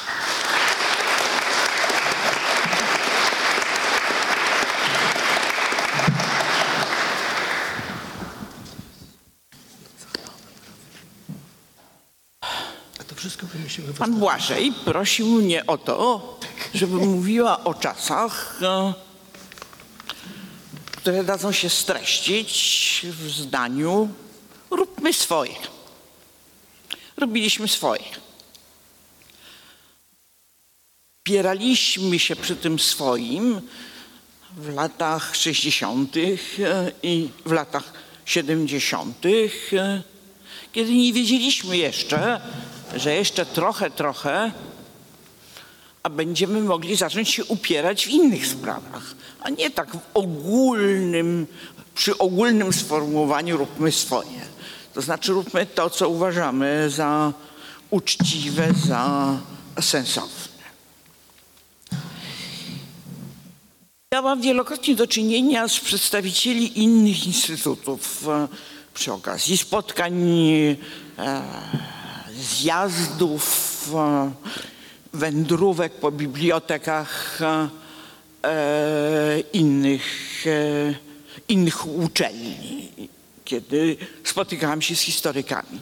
I miałam wyraźną świadomość, że coś nas tutaj ruszy. Jestem ostatnią osobą, która by twierdziła, która by poszła ścieżką, którą szła w przyjemny sposób e, pani Czaputowicz.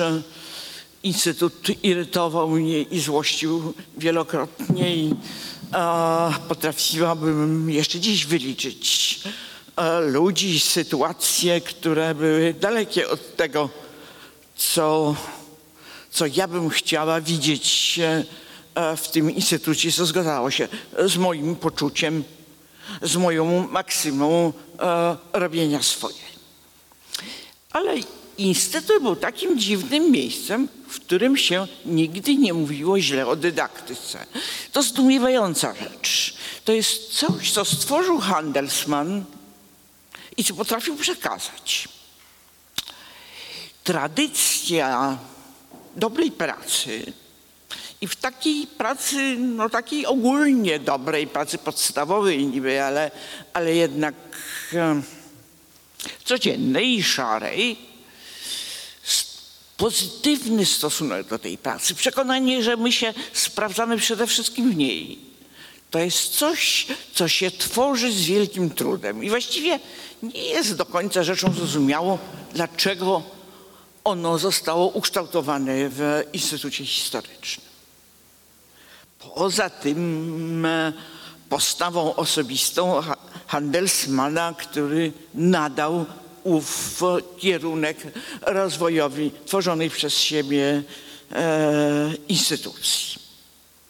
Przez cały czas, kiedy byłem w Instytucie Historycznym, e, z, do, powiedzmy w cyklu takim kilkuletnim, zajmowaliśmy się robieniem nowych programów studiów. To było jedno z naj, najmniejszych, i naj, a jednocześnie najbardziej denerwujących e, zajęć, a które świadczyło e, pasja, z jaką się do, do tego zabieraliśmy, e, pragnienie polepszenia świadczyło, że, że nie jest to nam obojętne, że to nie jest jakaś suma wysiłku, która, którą się od nas, dydaktyka nie jest sumą wysiłku, którego się od nas e, e, władze domagają, a my dopiero jak ją zamkniemy, jak, jak wykonamy ową, ową, ów wysiłek, będziemy się mogli zająć do tego, co nas, e, e, co nas tutaj trzyma e, razem. To e, owo, ów związek między dydaktyką, moralnością, e, porządną pracą pozwoliła nam przejść przez okres, który okazał się prawie równie niedobry jak okres PRL-u, tak uczciwie rzecz biorąc.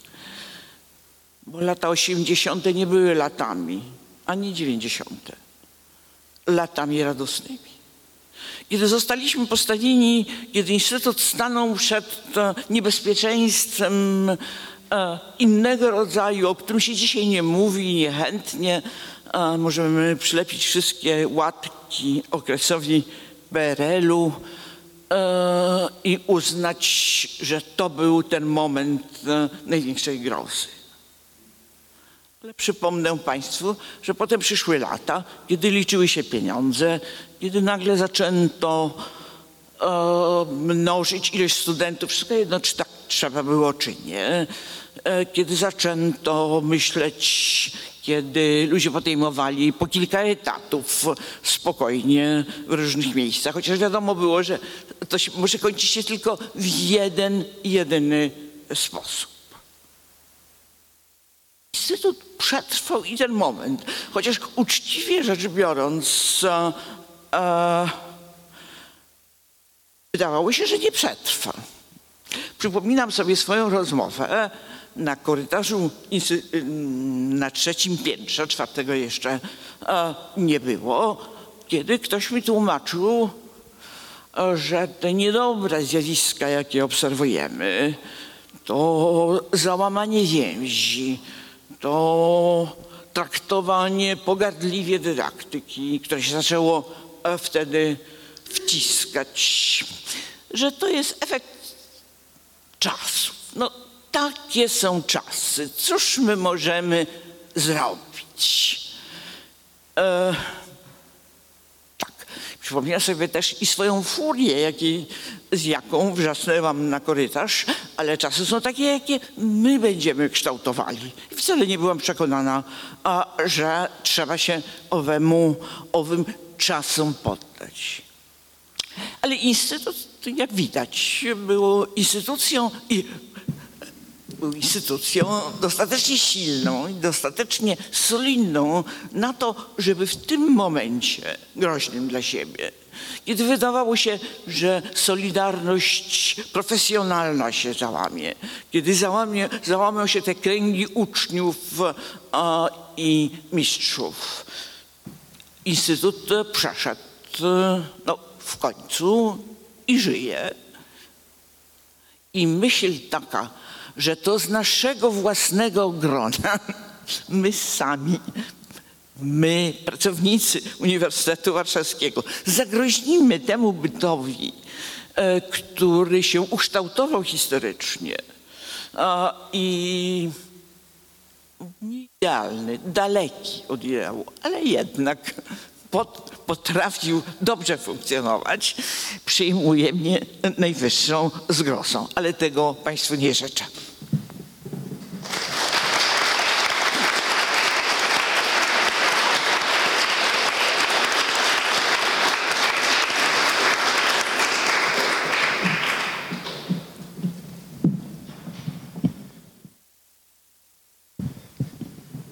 Ja podobnie jak e, pani Maria Czaputowicz nie do końca e, wiem, dlaczego siedzę z tej strony, e, a nie tam na widowni, gdzie na pewno, na pewnie chęt, na pewno chętnie bym się znalazła i wysłuchała wszystkich tych wystąpień i szeregu innych. I mm, tak przygotowując się do, do tego dzisiejszego spotkania, pomyślałam, że postaram się moją wypowiedź podzielić na takie dwie części i pierwsza to, e, to będzie to, co powiem z perspektywy, e, tak jak ja dzisiaj po latach pamiętam, e, czas, kiedy tutaj studiowałam, były to w zasadzie, jak o tym trochę myślałam, bardzo znamienne lata, bo zaczynaliśmy miesiąc przed y, uprowadzeniem i zabójstwem księdza Popiełuszki, a kończyliśmy y, już za czasów rządu Tadeusza Mazowieckiego. Y, Także można powiedzieć, że dla historyka, y, czy nawet osoby, no ja- ja po prostu jestem wykształcona tutaj, tak, nie zajmuję się historią, był to czas niezwykły, tak, i to, co tutaj mój rocznik i myślę, że no, trochę starsi i trochę młodsi odebraliśmy, to była olbrzymia taka lekcja edukacji obywatelskiej. I to zaczęło się od tego, że kiedy y, przyszliśmy tutaj na studia w październiku 1984 roku, a ci z nas, którzy mieli szczęście, udało nam się wziąć udział w objeździe roku zerowego koła naukowego. Tutaj już wspominane były objazdy, tak, to, to były jedne z tych słynnych objazdów. Y, Szybko mogliśmy się zorientować, że to jest takie miejsce, y, które działa naprawdę, nie na niby. Y, To były bardzo ponure czasy. Rok 1984, niby już nie było stanu wojennego, ale raczej taka, jak, jak ja pamiętam, to swoje liceum, no to, to, to była taka ponuroza, tak? A tu się okazało, że jest, y, że jest taka enklawa, y, w której, tak jak mówiła profesor Wiprzycka, ludzie traktują poważnie swoją pracę. Nikt nie udaje, y, że uczy. Profesorowie uczą nas naprawdę, my się naprawdę uczymy, angażujemy się w to. Wszystko, co było y, powiedziane o tej dydaktyce, mogę się tylko podpisać. Jakbym miała cztery ręce, to, y, to czterema y, była ta samorządność, tak? Nikt, y, to, to było traktowane poważnie, wybory do samorządu studenckiego, potem rola tego samorządu, to, że y, ten samorząd y, jakoś no, na, na, na, na miarę naszych możliwości uczestniczył y, w zarządzaniu instytutem. Po, po mojej, ja siedzę po prawej ręce profesora Tymowskiego, który nie tylko był y, moim mistrzem, bo chodziłam do niego na seminarium, ale wydaje mi się, że przez pewien czas, kiedy ja byłam studentką i działałam w samorządzie, on był dyrektorem instytutu. I spotykaliśmy się na. Wypiera się, ale to na pewno. Może wicedyrektorem. W każdym razie studenci, y, studenci mieli poczucie, y, że są y, w, sprawach, które, no, w których jakby oni się liczą traktowani właśnie po partnersku, a nie tylko w tej relacji mistrz-uczeń. Y, Jeszcze o tej dydaktyce. Y, y, Tak, m, dowiedzieliśmy się, jak przyszliśmy na studia, że właśnie niedawno, nie wiem czy w poprzednim roku, czy dwa lata wcześniej, miała miejsce kolejna reforma dydaktyki, która oznaczała wtedy, że z wyjątkiem pierwszego roku wszystkie zajęcia mogliśmy sobie wybierać w ramach tam określonych ram. Tak? Każdy musiał chodzić na zajęcia z historii średniowiecza polskiego i powszechnego, ale było ich 10 do wyboru. I to czyniło y, nasze studiowanie, w ogóle lokowało je gdzie indziej niż studiowanie przez naszych kolegów czy koleżanki na Wydziale Prawa, Polonistyki czy, czy wielu innych, gdzie oni byli sztywno przypisani do grup i, i, i tam musieli robić to, to, na co akurat trafili. Trafili gorzej, to mieli gorzej, lepiej, to mieli lepiej. Y, Myśmy mieli poczucie, że y, możemy te swoje studia, to, to jak się rozwijamy, możemy to kształtować, a to była fascynująca intelektualna przygoda i tak jak y, nie mogę powiedzieć, że to były najciekawsze lata mojego życia y, dotychczasowego, ale myślę, że były y, poznawczo najbardziej inspirujące i miałam poczucie, że biorę udział w czymś, mm, no, co się dzieje na 200%. Tak? To, to nie miało nic wspólnego z mm, chodzeniem do liceum, tak? no, co na ogół się zdarza przed przed studiami. No i tak jak powiedziałam, po, początek naszych studiów, e, zabójstwo księdza Popiełuszki, dramatyczna sytuacja e, i, i natychmiast e, już e, my stajemy się aktywni z różnych lat studenci tam wokół kościoła e, świętego Stanisława Kostki, poznajemy się też w ten sposób nawzajem. Mamy, y, mamy możliwość działania y, w, takim, w takiej tutaj enklawie za bramą. Tak? Ja pamiętam, y, jakie miałam silne poczucie, że ten świat z drugiej strony bramy jest zupełnie innym światem. Tak? Że tutaj w gablotach można powiesić plakaty i można napisać Solidarycą. Tak? Że tutaj może uczyć Andrzej Friszke, wtedy jeszcze nawet nie pamiętam, czy doktor, czy, czy magister. Że tutaj jest konwersatorium profesora Jerzego Jedlickiego. Tak? To nie było wiele takich miejsc, gdzie, y, gdzie to wszystko mogło się odbywać. Y, Tu wreszcie y, w sali 17 Adam Michnik nawoływał do, czytań, do czytania prasy radzieckiej i tłumaczył nam, jak ważny jest Gorbaczow, pierystrojka i glasność. Tak? To, to, to było te 5-6 lat naszych studiów. Oczywiście w tym, w tym czasie wydarzyło się ujawnianie się kolejnych struktur Solidarności, NZS, strajk 5 maja 1988 roku tutaj na uniwersytecie. M, okrągły stół, w, którym w różnych rolach m, różne osoby, nawet z takiego naszego kręgu studenckiego, y, brały udział. Potem ca, cały gorący czas wyborów, tak? Fredry, niespodzianka. Tam wszędzie byli śmiem powie, powiedzieć, nadreprezentowani w stosunku do, do innych studenci i absolwenci historii.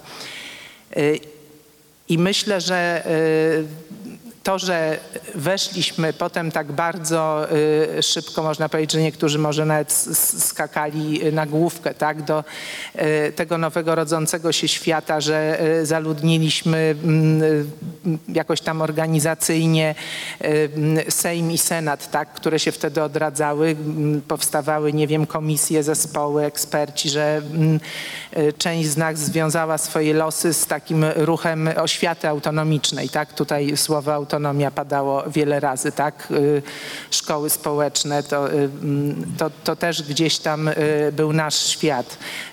Inni zakładali firmy, które przedtem nie istniały, czy istniały bardzo marginalnie, nie wiem, ośrodki badania rynku i opinii, tak, i nie- niezależne, tak, inne niż te, które istniały wcześniej. Mam wrażenie, że, y, że po prostu dla nas te studia okazały się, dla tych moich roczników, taką, y, poza tym wszystkim, czego uczyliśmy się jako historycy i co niektórzy z nas do tej pory wykorzystują y, zawodowo, no takim po prostu świet, świetnym uniwersytetem bycia obywatelem. Tak? I na to myślę w bardzo dużym e, stopniu i teraz trochę pe- perspektywę dzisiejszą. Powiem tak, e, ta dydaktyka, o której tak dużo było mowy, to co, to co dla mnie, jak sobie myślę, jest takim sercem zawodu i powołania historyka, czyli krytyka źródeł, zadawanie pytań bez końca, patrzenie przez lupę, czytanie setek stron przed wydaniem opinii i ze świadomością, że, że ona może być ważna tylko przez jakiś czas, a potem odkryjemy coś nowego i, i to już będzie tylko tam w tej historii, historiografii. Myślę, e, że to wszystko jest niezmiernie ważne i może jeszcze bardziej istotne z dzisiejszego punktu widzenia, tak? Kiedy y, mówimy non-stop o y, takim szumie informacyjnym, o fake newsach, tak? No kto ma najlepsze narzędzia, żeby rozbroić fake newsa? No mi się wydaje, że historyk, tak? I mm, Choćby z tego powodu y, bardzo warto, żeby y, ta dydaktyka, która tu jest y, doskonalona y, od, od pokoleń, żeby ona y, jeszcze bardziej się doskonaliła i y, kształciła kolejne. Przecież wiadomo, że nie każdy absolwent tutaj, nie wiem ilu w, teraz jest studentów na jednym roku, tutaj dyrekcja może podpowie. Y, 120, to tak jak w moim roczniku, wspaniale, 120. No to e, przecież wiadomo, że większość e, nie będzie zajmowała się zawodowo historią, ale te umiejętności, które się tutaj e, zdobywa, takie rzemieślnicze, e, są niezmiernie e, przydatne w, jakby w dowolnej e, sferze życia tak naprawdę. E, Nie wiem, czy Państwo wiecie, że w Wielkiej Brytanii, nie wiem jak teraz, ale jeszcze w poprzednich latach absolwenci historii byli niezmiernie cenieni w sektorze bankowym i w aparacie skarbowym, jako ci, którzy są dociekliwi i, i są w stanie jakby zanalizować olbrzymią ilość e, danych i, i jakby jakiś sens z nich wyciągnąć. Co ja mogę jeszcze powiedzieć takiego, co już tutaj nie było powiedziane, y, y, ważnego właśnie, żeby to chociaż było, miało jakieś, jakieś znaczenie.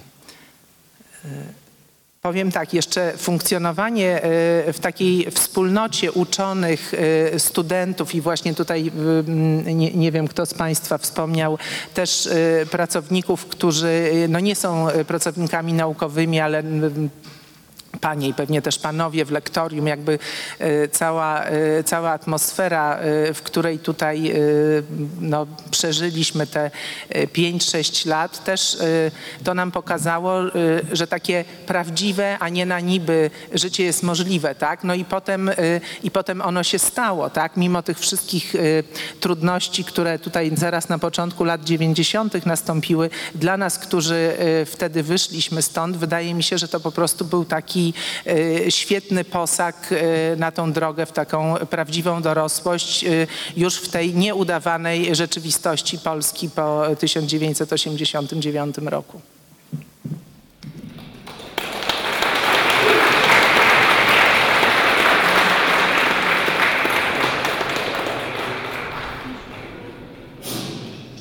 E, Proszę Państwa, e, dziękujemy panelistom.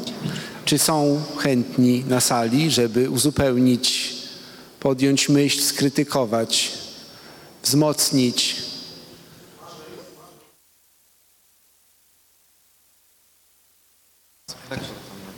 Dzień dobry, nazywam się Mirosława Bajszczak, rocznik y, 1989, koniec studiów, więc ze wszystkim się zgadzam, y, co pani Justyna przed chwilą powiedziała. Y, Natomiast chcę się odnieść do tego, co pan profesor Tymowski powiedział, że się Instytut wspomina. Wspomina się do dziś. Ja jestem związana zawodowo z Instytutem, bo pracuję jako nauczycielka historii w liceum.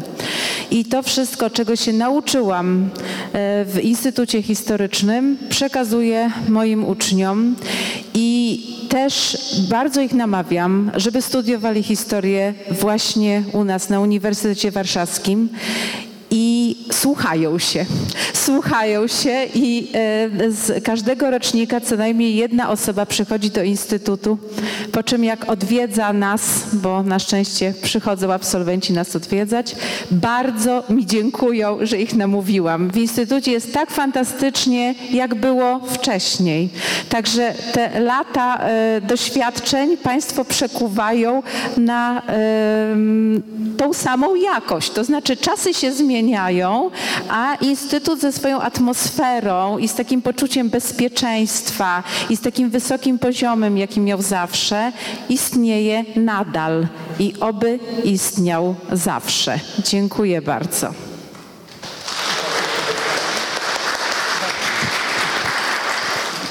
Dzień dobry, Włodzimierz Borodziej, absolwent e, 1979. Ja się ze wszystkim zgadzam, co tutaj zostało powiedziane.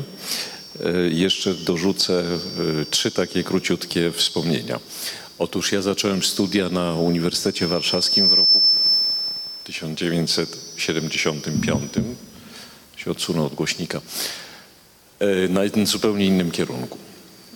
No i potem w ramach drugich studiów równo, równoległych trafiłem tutaj i to był zupełnie inny uniwersytet.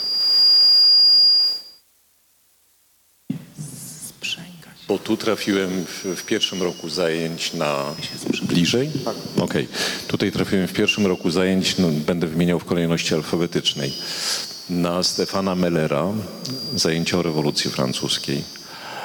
e, Henryka Samsonowicza Średniowiecze, e, Zofię Zielińską Historia Polski nowożytna. I to była po prostu szkoła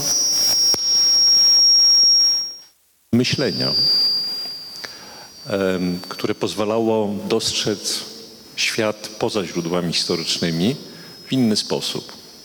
A przypomnę, że to nie był okres dobry dla uniwersytetu. To było 8 lat po marcu a jednocześnie tutaj coś udało się ocalić i prze, przechować. I w związku z tym tak sobie myślę, że na te stulecie Instytutu to będzie powinno być więcej o ludziach, którzy ten Instytut tworzyli. Czy ten Instytut się nazywa Instytutem, czy Wydziałem, może nie jest takie strasznie ważne. E, Natomiast ten duch to są ludzie, to, to jesteśmy my. Wydaje mi się, że sprzęganie jest wtedy, kiedy dźwięk z głośników dochodzi do mikrofonu równie intensywnie jak dźwięk z ust. Więc jak będziesz Włodzimierzu mówił bezpośrednio do mikrofonu, ma szansę, że będzie lepiej. Dobrze. No, nie jest lepiej.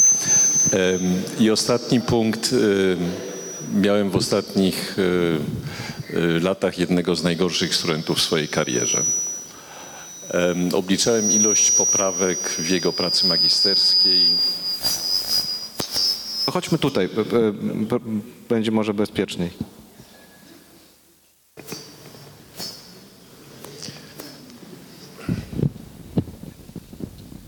O, tu nie ma głośnika? O, idealnie. E, obliczałem ilość poprawek, którą poczyniłem na jego pracy magisterskiej na około 1500. E, on twierdził, że to było raczej 1800. I kiedy już e, obronił swoją pracę, to mi napisał takiego maila że on e, rozumie, co się w życiu powinno studiować. To powinna być albo historia, albo matematyka.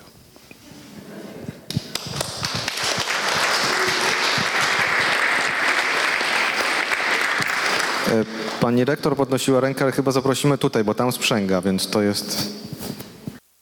Y, Dzień dobry.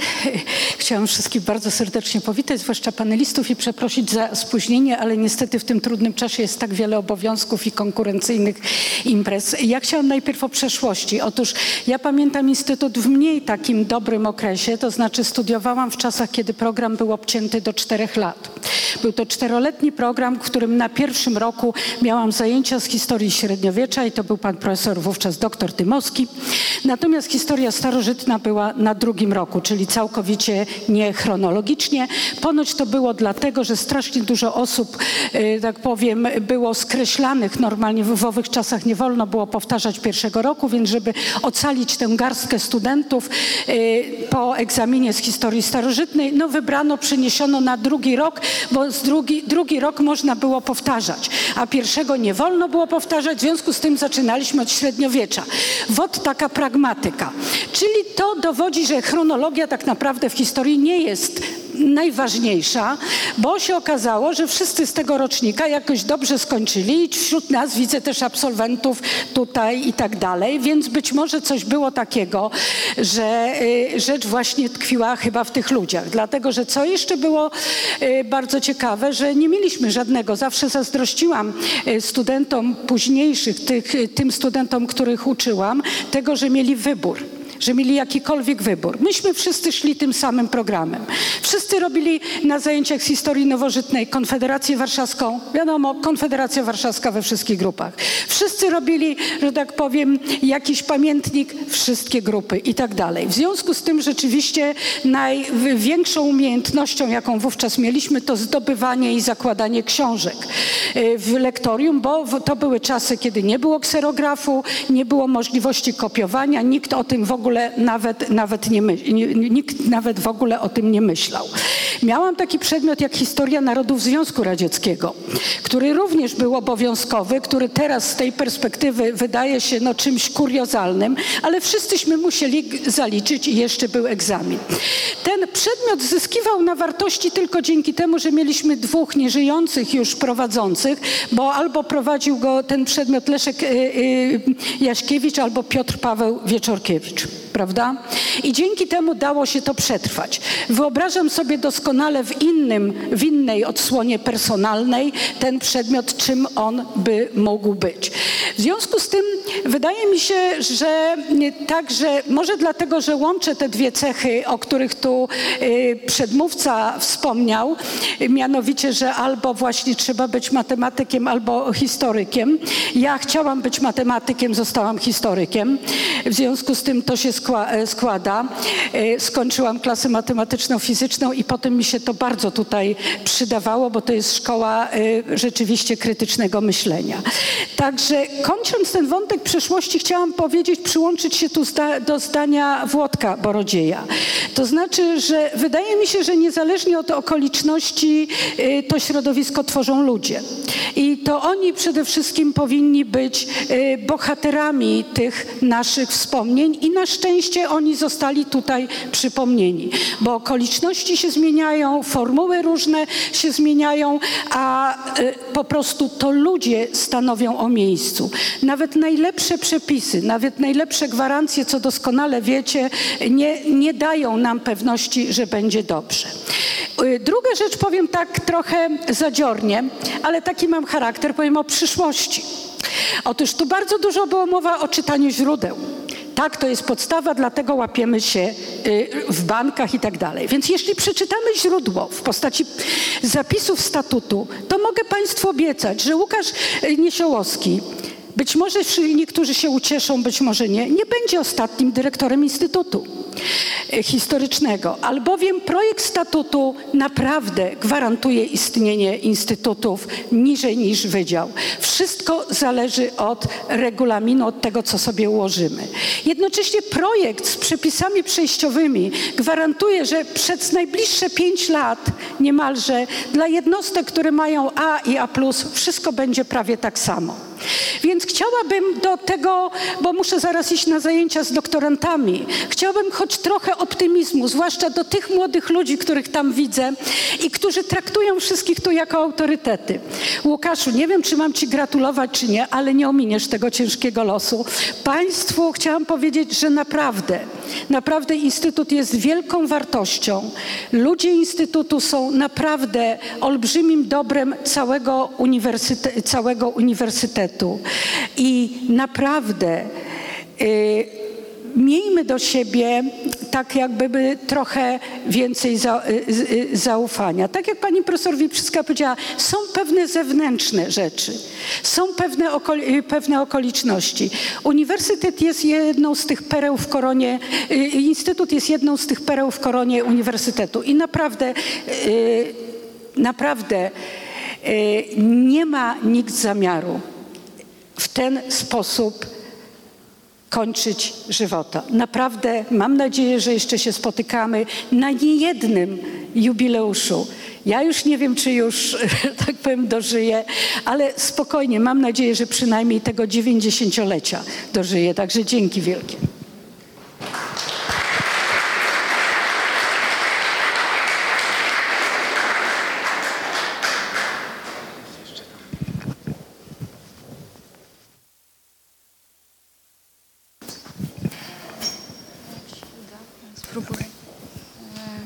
Dzień dobry, y, Sylwia Borowska-Monkiewicz, y, obecnie studentka studiów pierwszego stopnia w Instytucie Historycznym.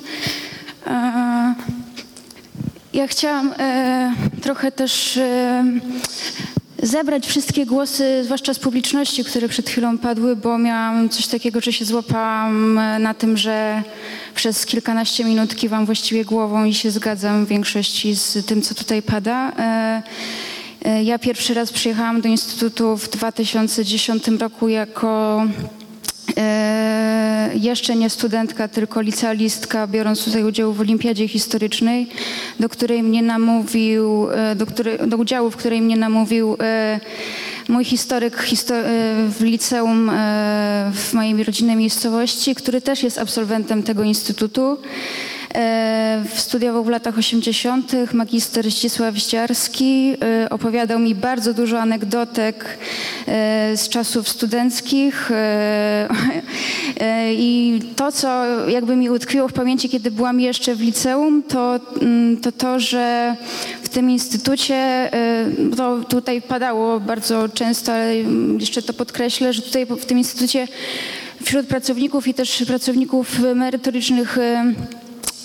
i administracyjnych pracują po prostu zwyczajnie bardzo dobrzy ludzie, którzy e, bardzo to sobie cenię, e, potrafią zwrócić uwagę na to, że czasem może powinąć się noga, e, mogą pojawić się jakieś problemy związane z godzeniem różnych aktywności i, i potrafią podejść do tego z wyrozumiałością, a mówię o tym dlatego, że po pierwszym roku studiów na historii w 2012 roku zrezygnowałam z historii pod wpływem E, na mowy rodziców, e, żebym przeniosła się na prawo i zdobyła ten wspaniały i fantastyczny zawód, który mi zapewni bardzo dużo pieniędzy i prestiż i nie skończę jako osoba bezrobotna. E, I skończyło się to tak, że postudiowałam tam jeden semestr i nie mogłam wytrzymać takiego poczucia braku podmiotowości i, i, i takiego przytłoczenia gronem 500 osób na roku. E, I wróciłam po, po pierwszym semestrze na e, poprawie na, na historii. Jestem tutaj do dzisiaj. Mam nadzieję, że już te studia w końcu zamknę. e, a nie studiuję, a nie pracuję w zawodzie, bo, bo pracuję w księgowości i administracji w instytucjach kultury rozmaitych, więc, więc tutaj też zgadzam się z, z głosami, które padały, że, że, że historia się przydaje zwyczajnie, po prostu u, uczy życia, wytrwałości i i analizy wielu, wielu przypadków, więc y, bardzo się cieszę, że tutaj trafiłam i, i dzisiaj trochę słuchając wszystkich Państwa się wzruszyłam, że, że jestem jakąś tam częścią tego świadka małego. Dziękuję.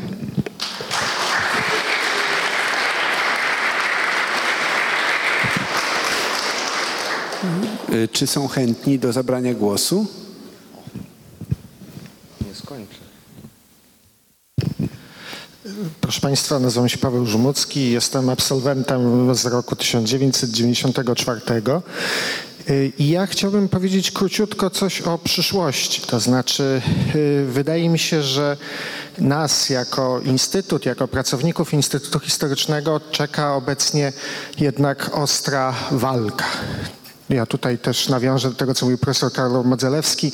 Będziemy musieli się buntować, walczyć o wpływ na nauczanie historii na Uniwersytecie Warszawskim.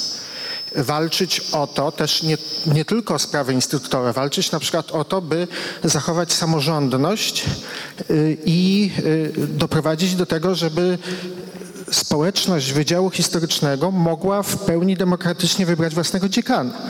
Ja czytałem projekt statutu i jesteśmy naprawdę zagrożeni sytuacją, która przypomina te sytuacje, o których mówili Piotr Majewski i Błażej Brzostek. I sytuacje z przeszłości, i to nieciekawej przeszłości. W związku z tym bardzo się cieszę, że Państwo tu przyszli, bo to będzie walka toczona raczej wewnątrz uniwersytetu. Walka, która nie będzie być może budziła zainteresowania na zewnątrz.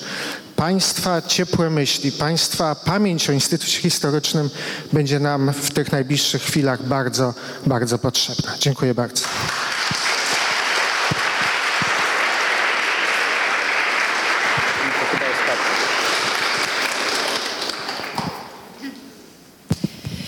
Przepraszam, to może ja stanę tak tutaj.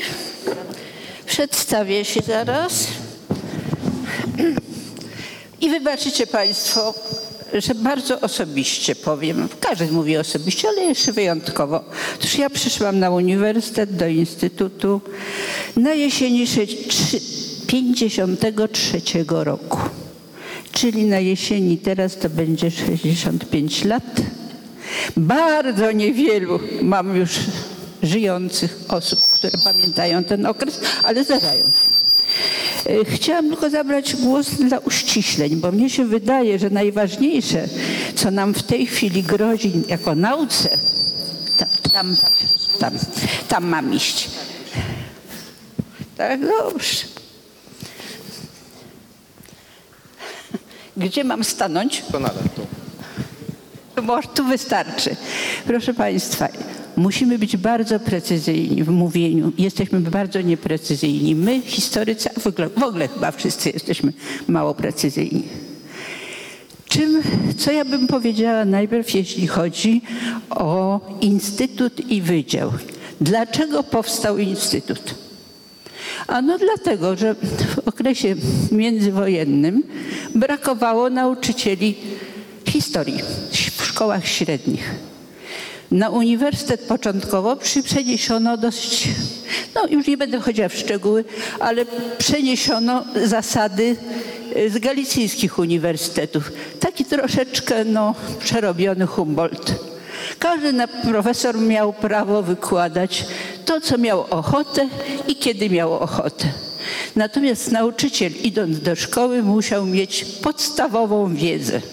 Zauważył to Handelsman, inni też zresztą, i myślał, jak umożliwić nauczycielom, tym, którzy przychodzili tutaj na uniwersytet, na studia historyczne, zdobycie tej, tego kompendium historycznego wiedzy potrzebnego w szkole.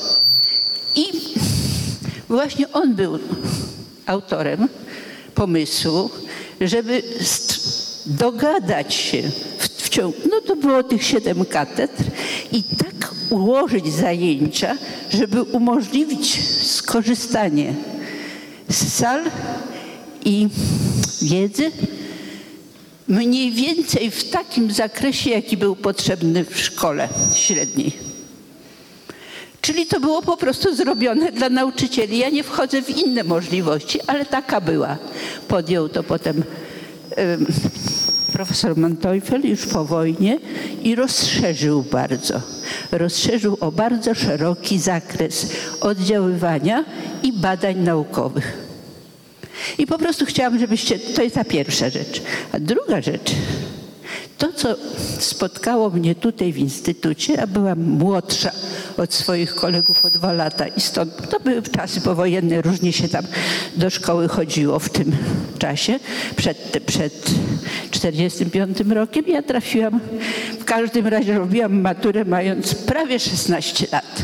Przyszłam tutaj, z- nie chcę używać brzydkich słów, smarkata. I było coś bardzo dziwnego. To akurat jeszcze się nie skończył terror stalinowski, bo on się skończył mniej więcej koło 55 roku. Ale w tym instytucie czuło się swobodę. Ja na to nic nie poradzę. Była tolerancja i uczono nas przyzwoicie. Jeśli chodzi o książkę, to, są, to zresztą to są, to są zupełnie inne rzeczy. Nasi profesorowie nas znali. Myśmy byli niedużą grupką. Wydaje mi się, że znali nas jako pojedyncze osoby. Myśmy mieli, rok tak miał około 40 osób. I myślę, że tam bliskość, która wtedy była, ja nie wiem jak było przed wojną, o tym już nie chcę mówić. Ta bliskość powodowała, że Instytut miał ogromny wpływ wychowawczy na tych, którzy wtedy studiowali. Teraz kadra. Kadrę w gruncie rzeczy w Instytucie zgromadził profesor Manteuffel. A kim, była ta, kim byli ludzie, których zgromadził? Otóż to byli jego koledzy z biura propagandy, informacji propagandy. Oni nawet nie zostawili dużo pisanych dowodów, bo oni się tak znali, że nie musieli pisać o tym, co robić z nami. Panie profesorze, no jeszcze nazywam się Bartnicka, jestem profesorem historii wychowania i mimo no, dojrzałego wieku stale jeszcze pracuję. Dziękuję.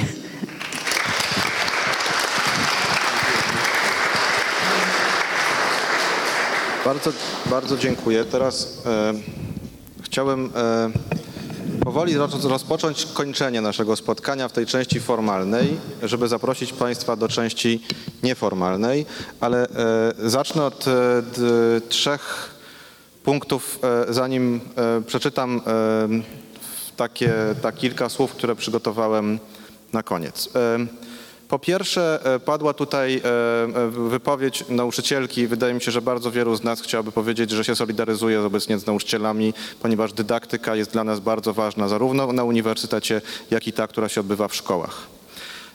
Po drugie, towarzyszył temu panelowi pokaz slajdów, który, jak Państwo historycy dobrze to widzą, jest nie bardzo aktualny. To są slajdy zrobione z materiałów wystawy jubileuszu, które zorganizowaliśmy jesienią 2010 roku. E, Stąd e, dobór niektórych postaci E, i zapewniam Państwa, że w 2019 roku Instytut Historyczny w taki sam sposób przyznaje się do Henryka Jabłońskiego, Jaramy Maciszewskiego, jak i do Antoniego Macierewicza, Mariusza Błaszczaka, Mariusza Kamińskiego i innych. Nie ma ich tutaj dlatego, że te, te, te, te slajdy powstały parę lat temu. E, Poza tym chciałbym Państwa e, zaprosić na dwie konferencje, które będziemy tutaj robić niejako e, w tym samym duchu, o którym tu była mowa w czasie panelu, mianowicie naszego zaangażowania w, sprawie, w sprawy szersze niż tylko nasz własny ogródek.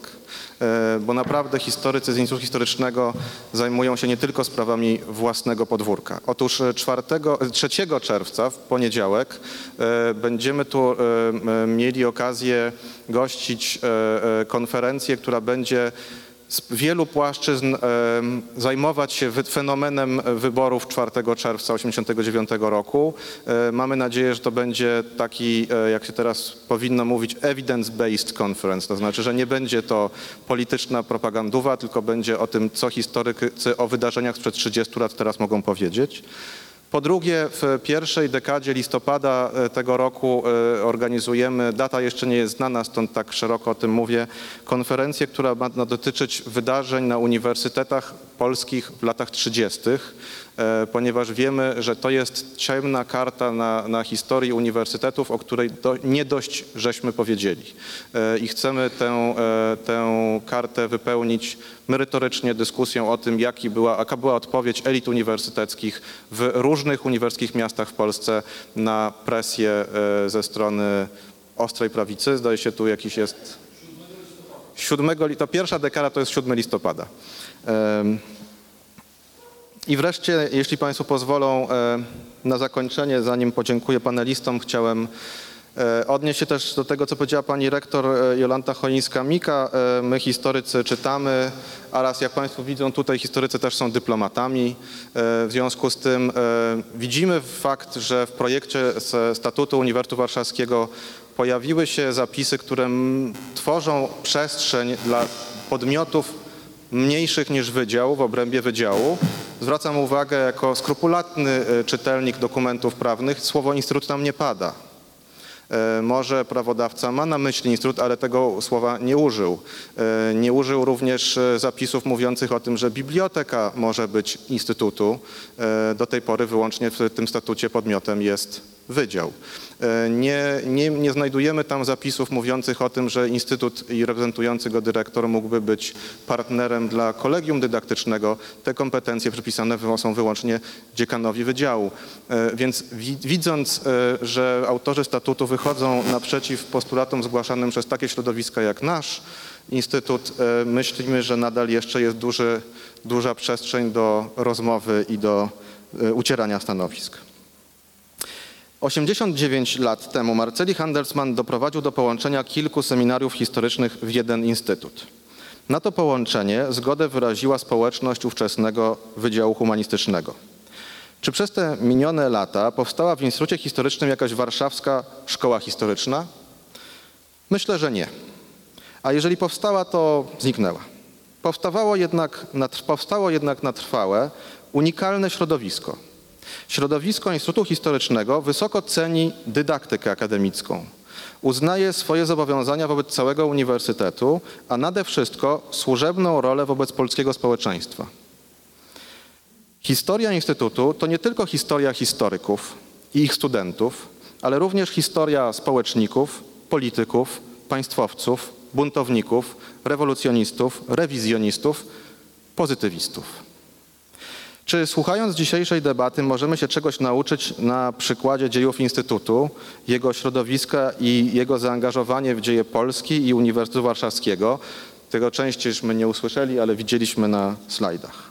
Myślę, że tak, że płyną z tego lekcje. Historia Instytutu daje nam trzy takie ważne lekcje.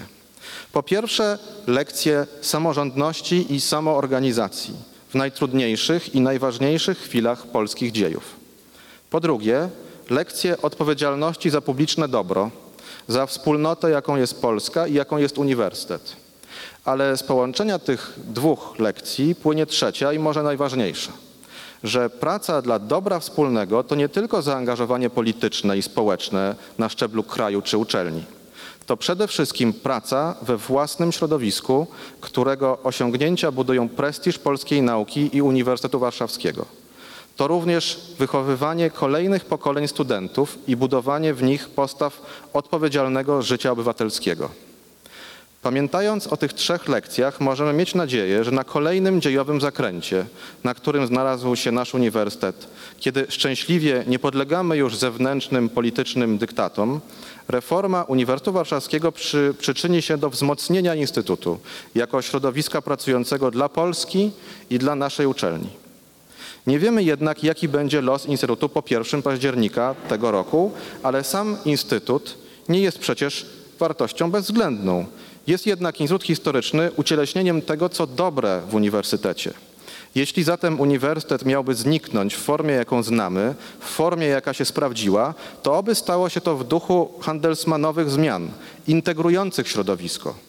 Mamy nadzieję, że nowy statut uniwersytetu zapewni nam dobre warunki funkcjonowania albo w ramach dużego wydziału o ustroju federacyjnym, albo jako osobnej jednostce organizacyjnej ze wszystkimi związanymi z tymi prawami i obowiązkami. Od zapisów nowego statutu i decyzji władz uczelni zależy zatem teraz, czy będzie jakiś dwunasty dyrektor Instytutu Historycznego, w co pani rektor wierzy. Jeśli jednak Instytut miałby się ponownie stać Federacją Seminariów Historycznych, które z pożytkiem dla Uniwersytetu udało się Marcelowi, Marcelemu Hardensmanowi połączyć 89 lat temu, zrobilibyśmy wielki krok wstecz i znaleźli się w punkcie wyjścia, tak jakbyśmy się niczego przez te lata nie nauczyli. Tak jak Handelsmann, Manteuffel i Geisztor dobrze przysłużyli się uniwersytetowi, tworząc Instytut Historyczny, tak miejmy nadzieję, że i my doczekamy czasów, kiedy dbałość o odpowiednie warunki działania naszego środowiska nie będzie postrzegana jako sprzeczne z interesem uniwersytetu. Bo jak pokazała to dzisiejsza sesja, Uniwersytet Warszawski to właśnie my. Dziękuję Państwu bardzo i zapraszam.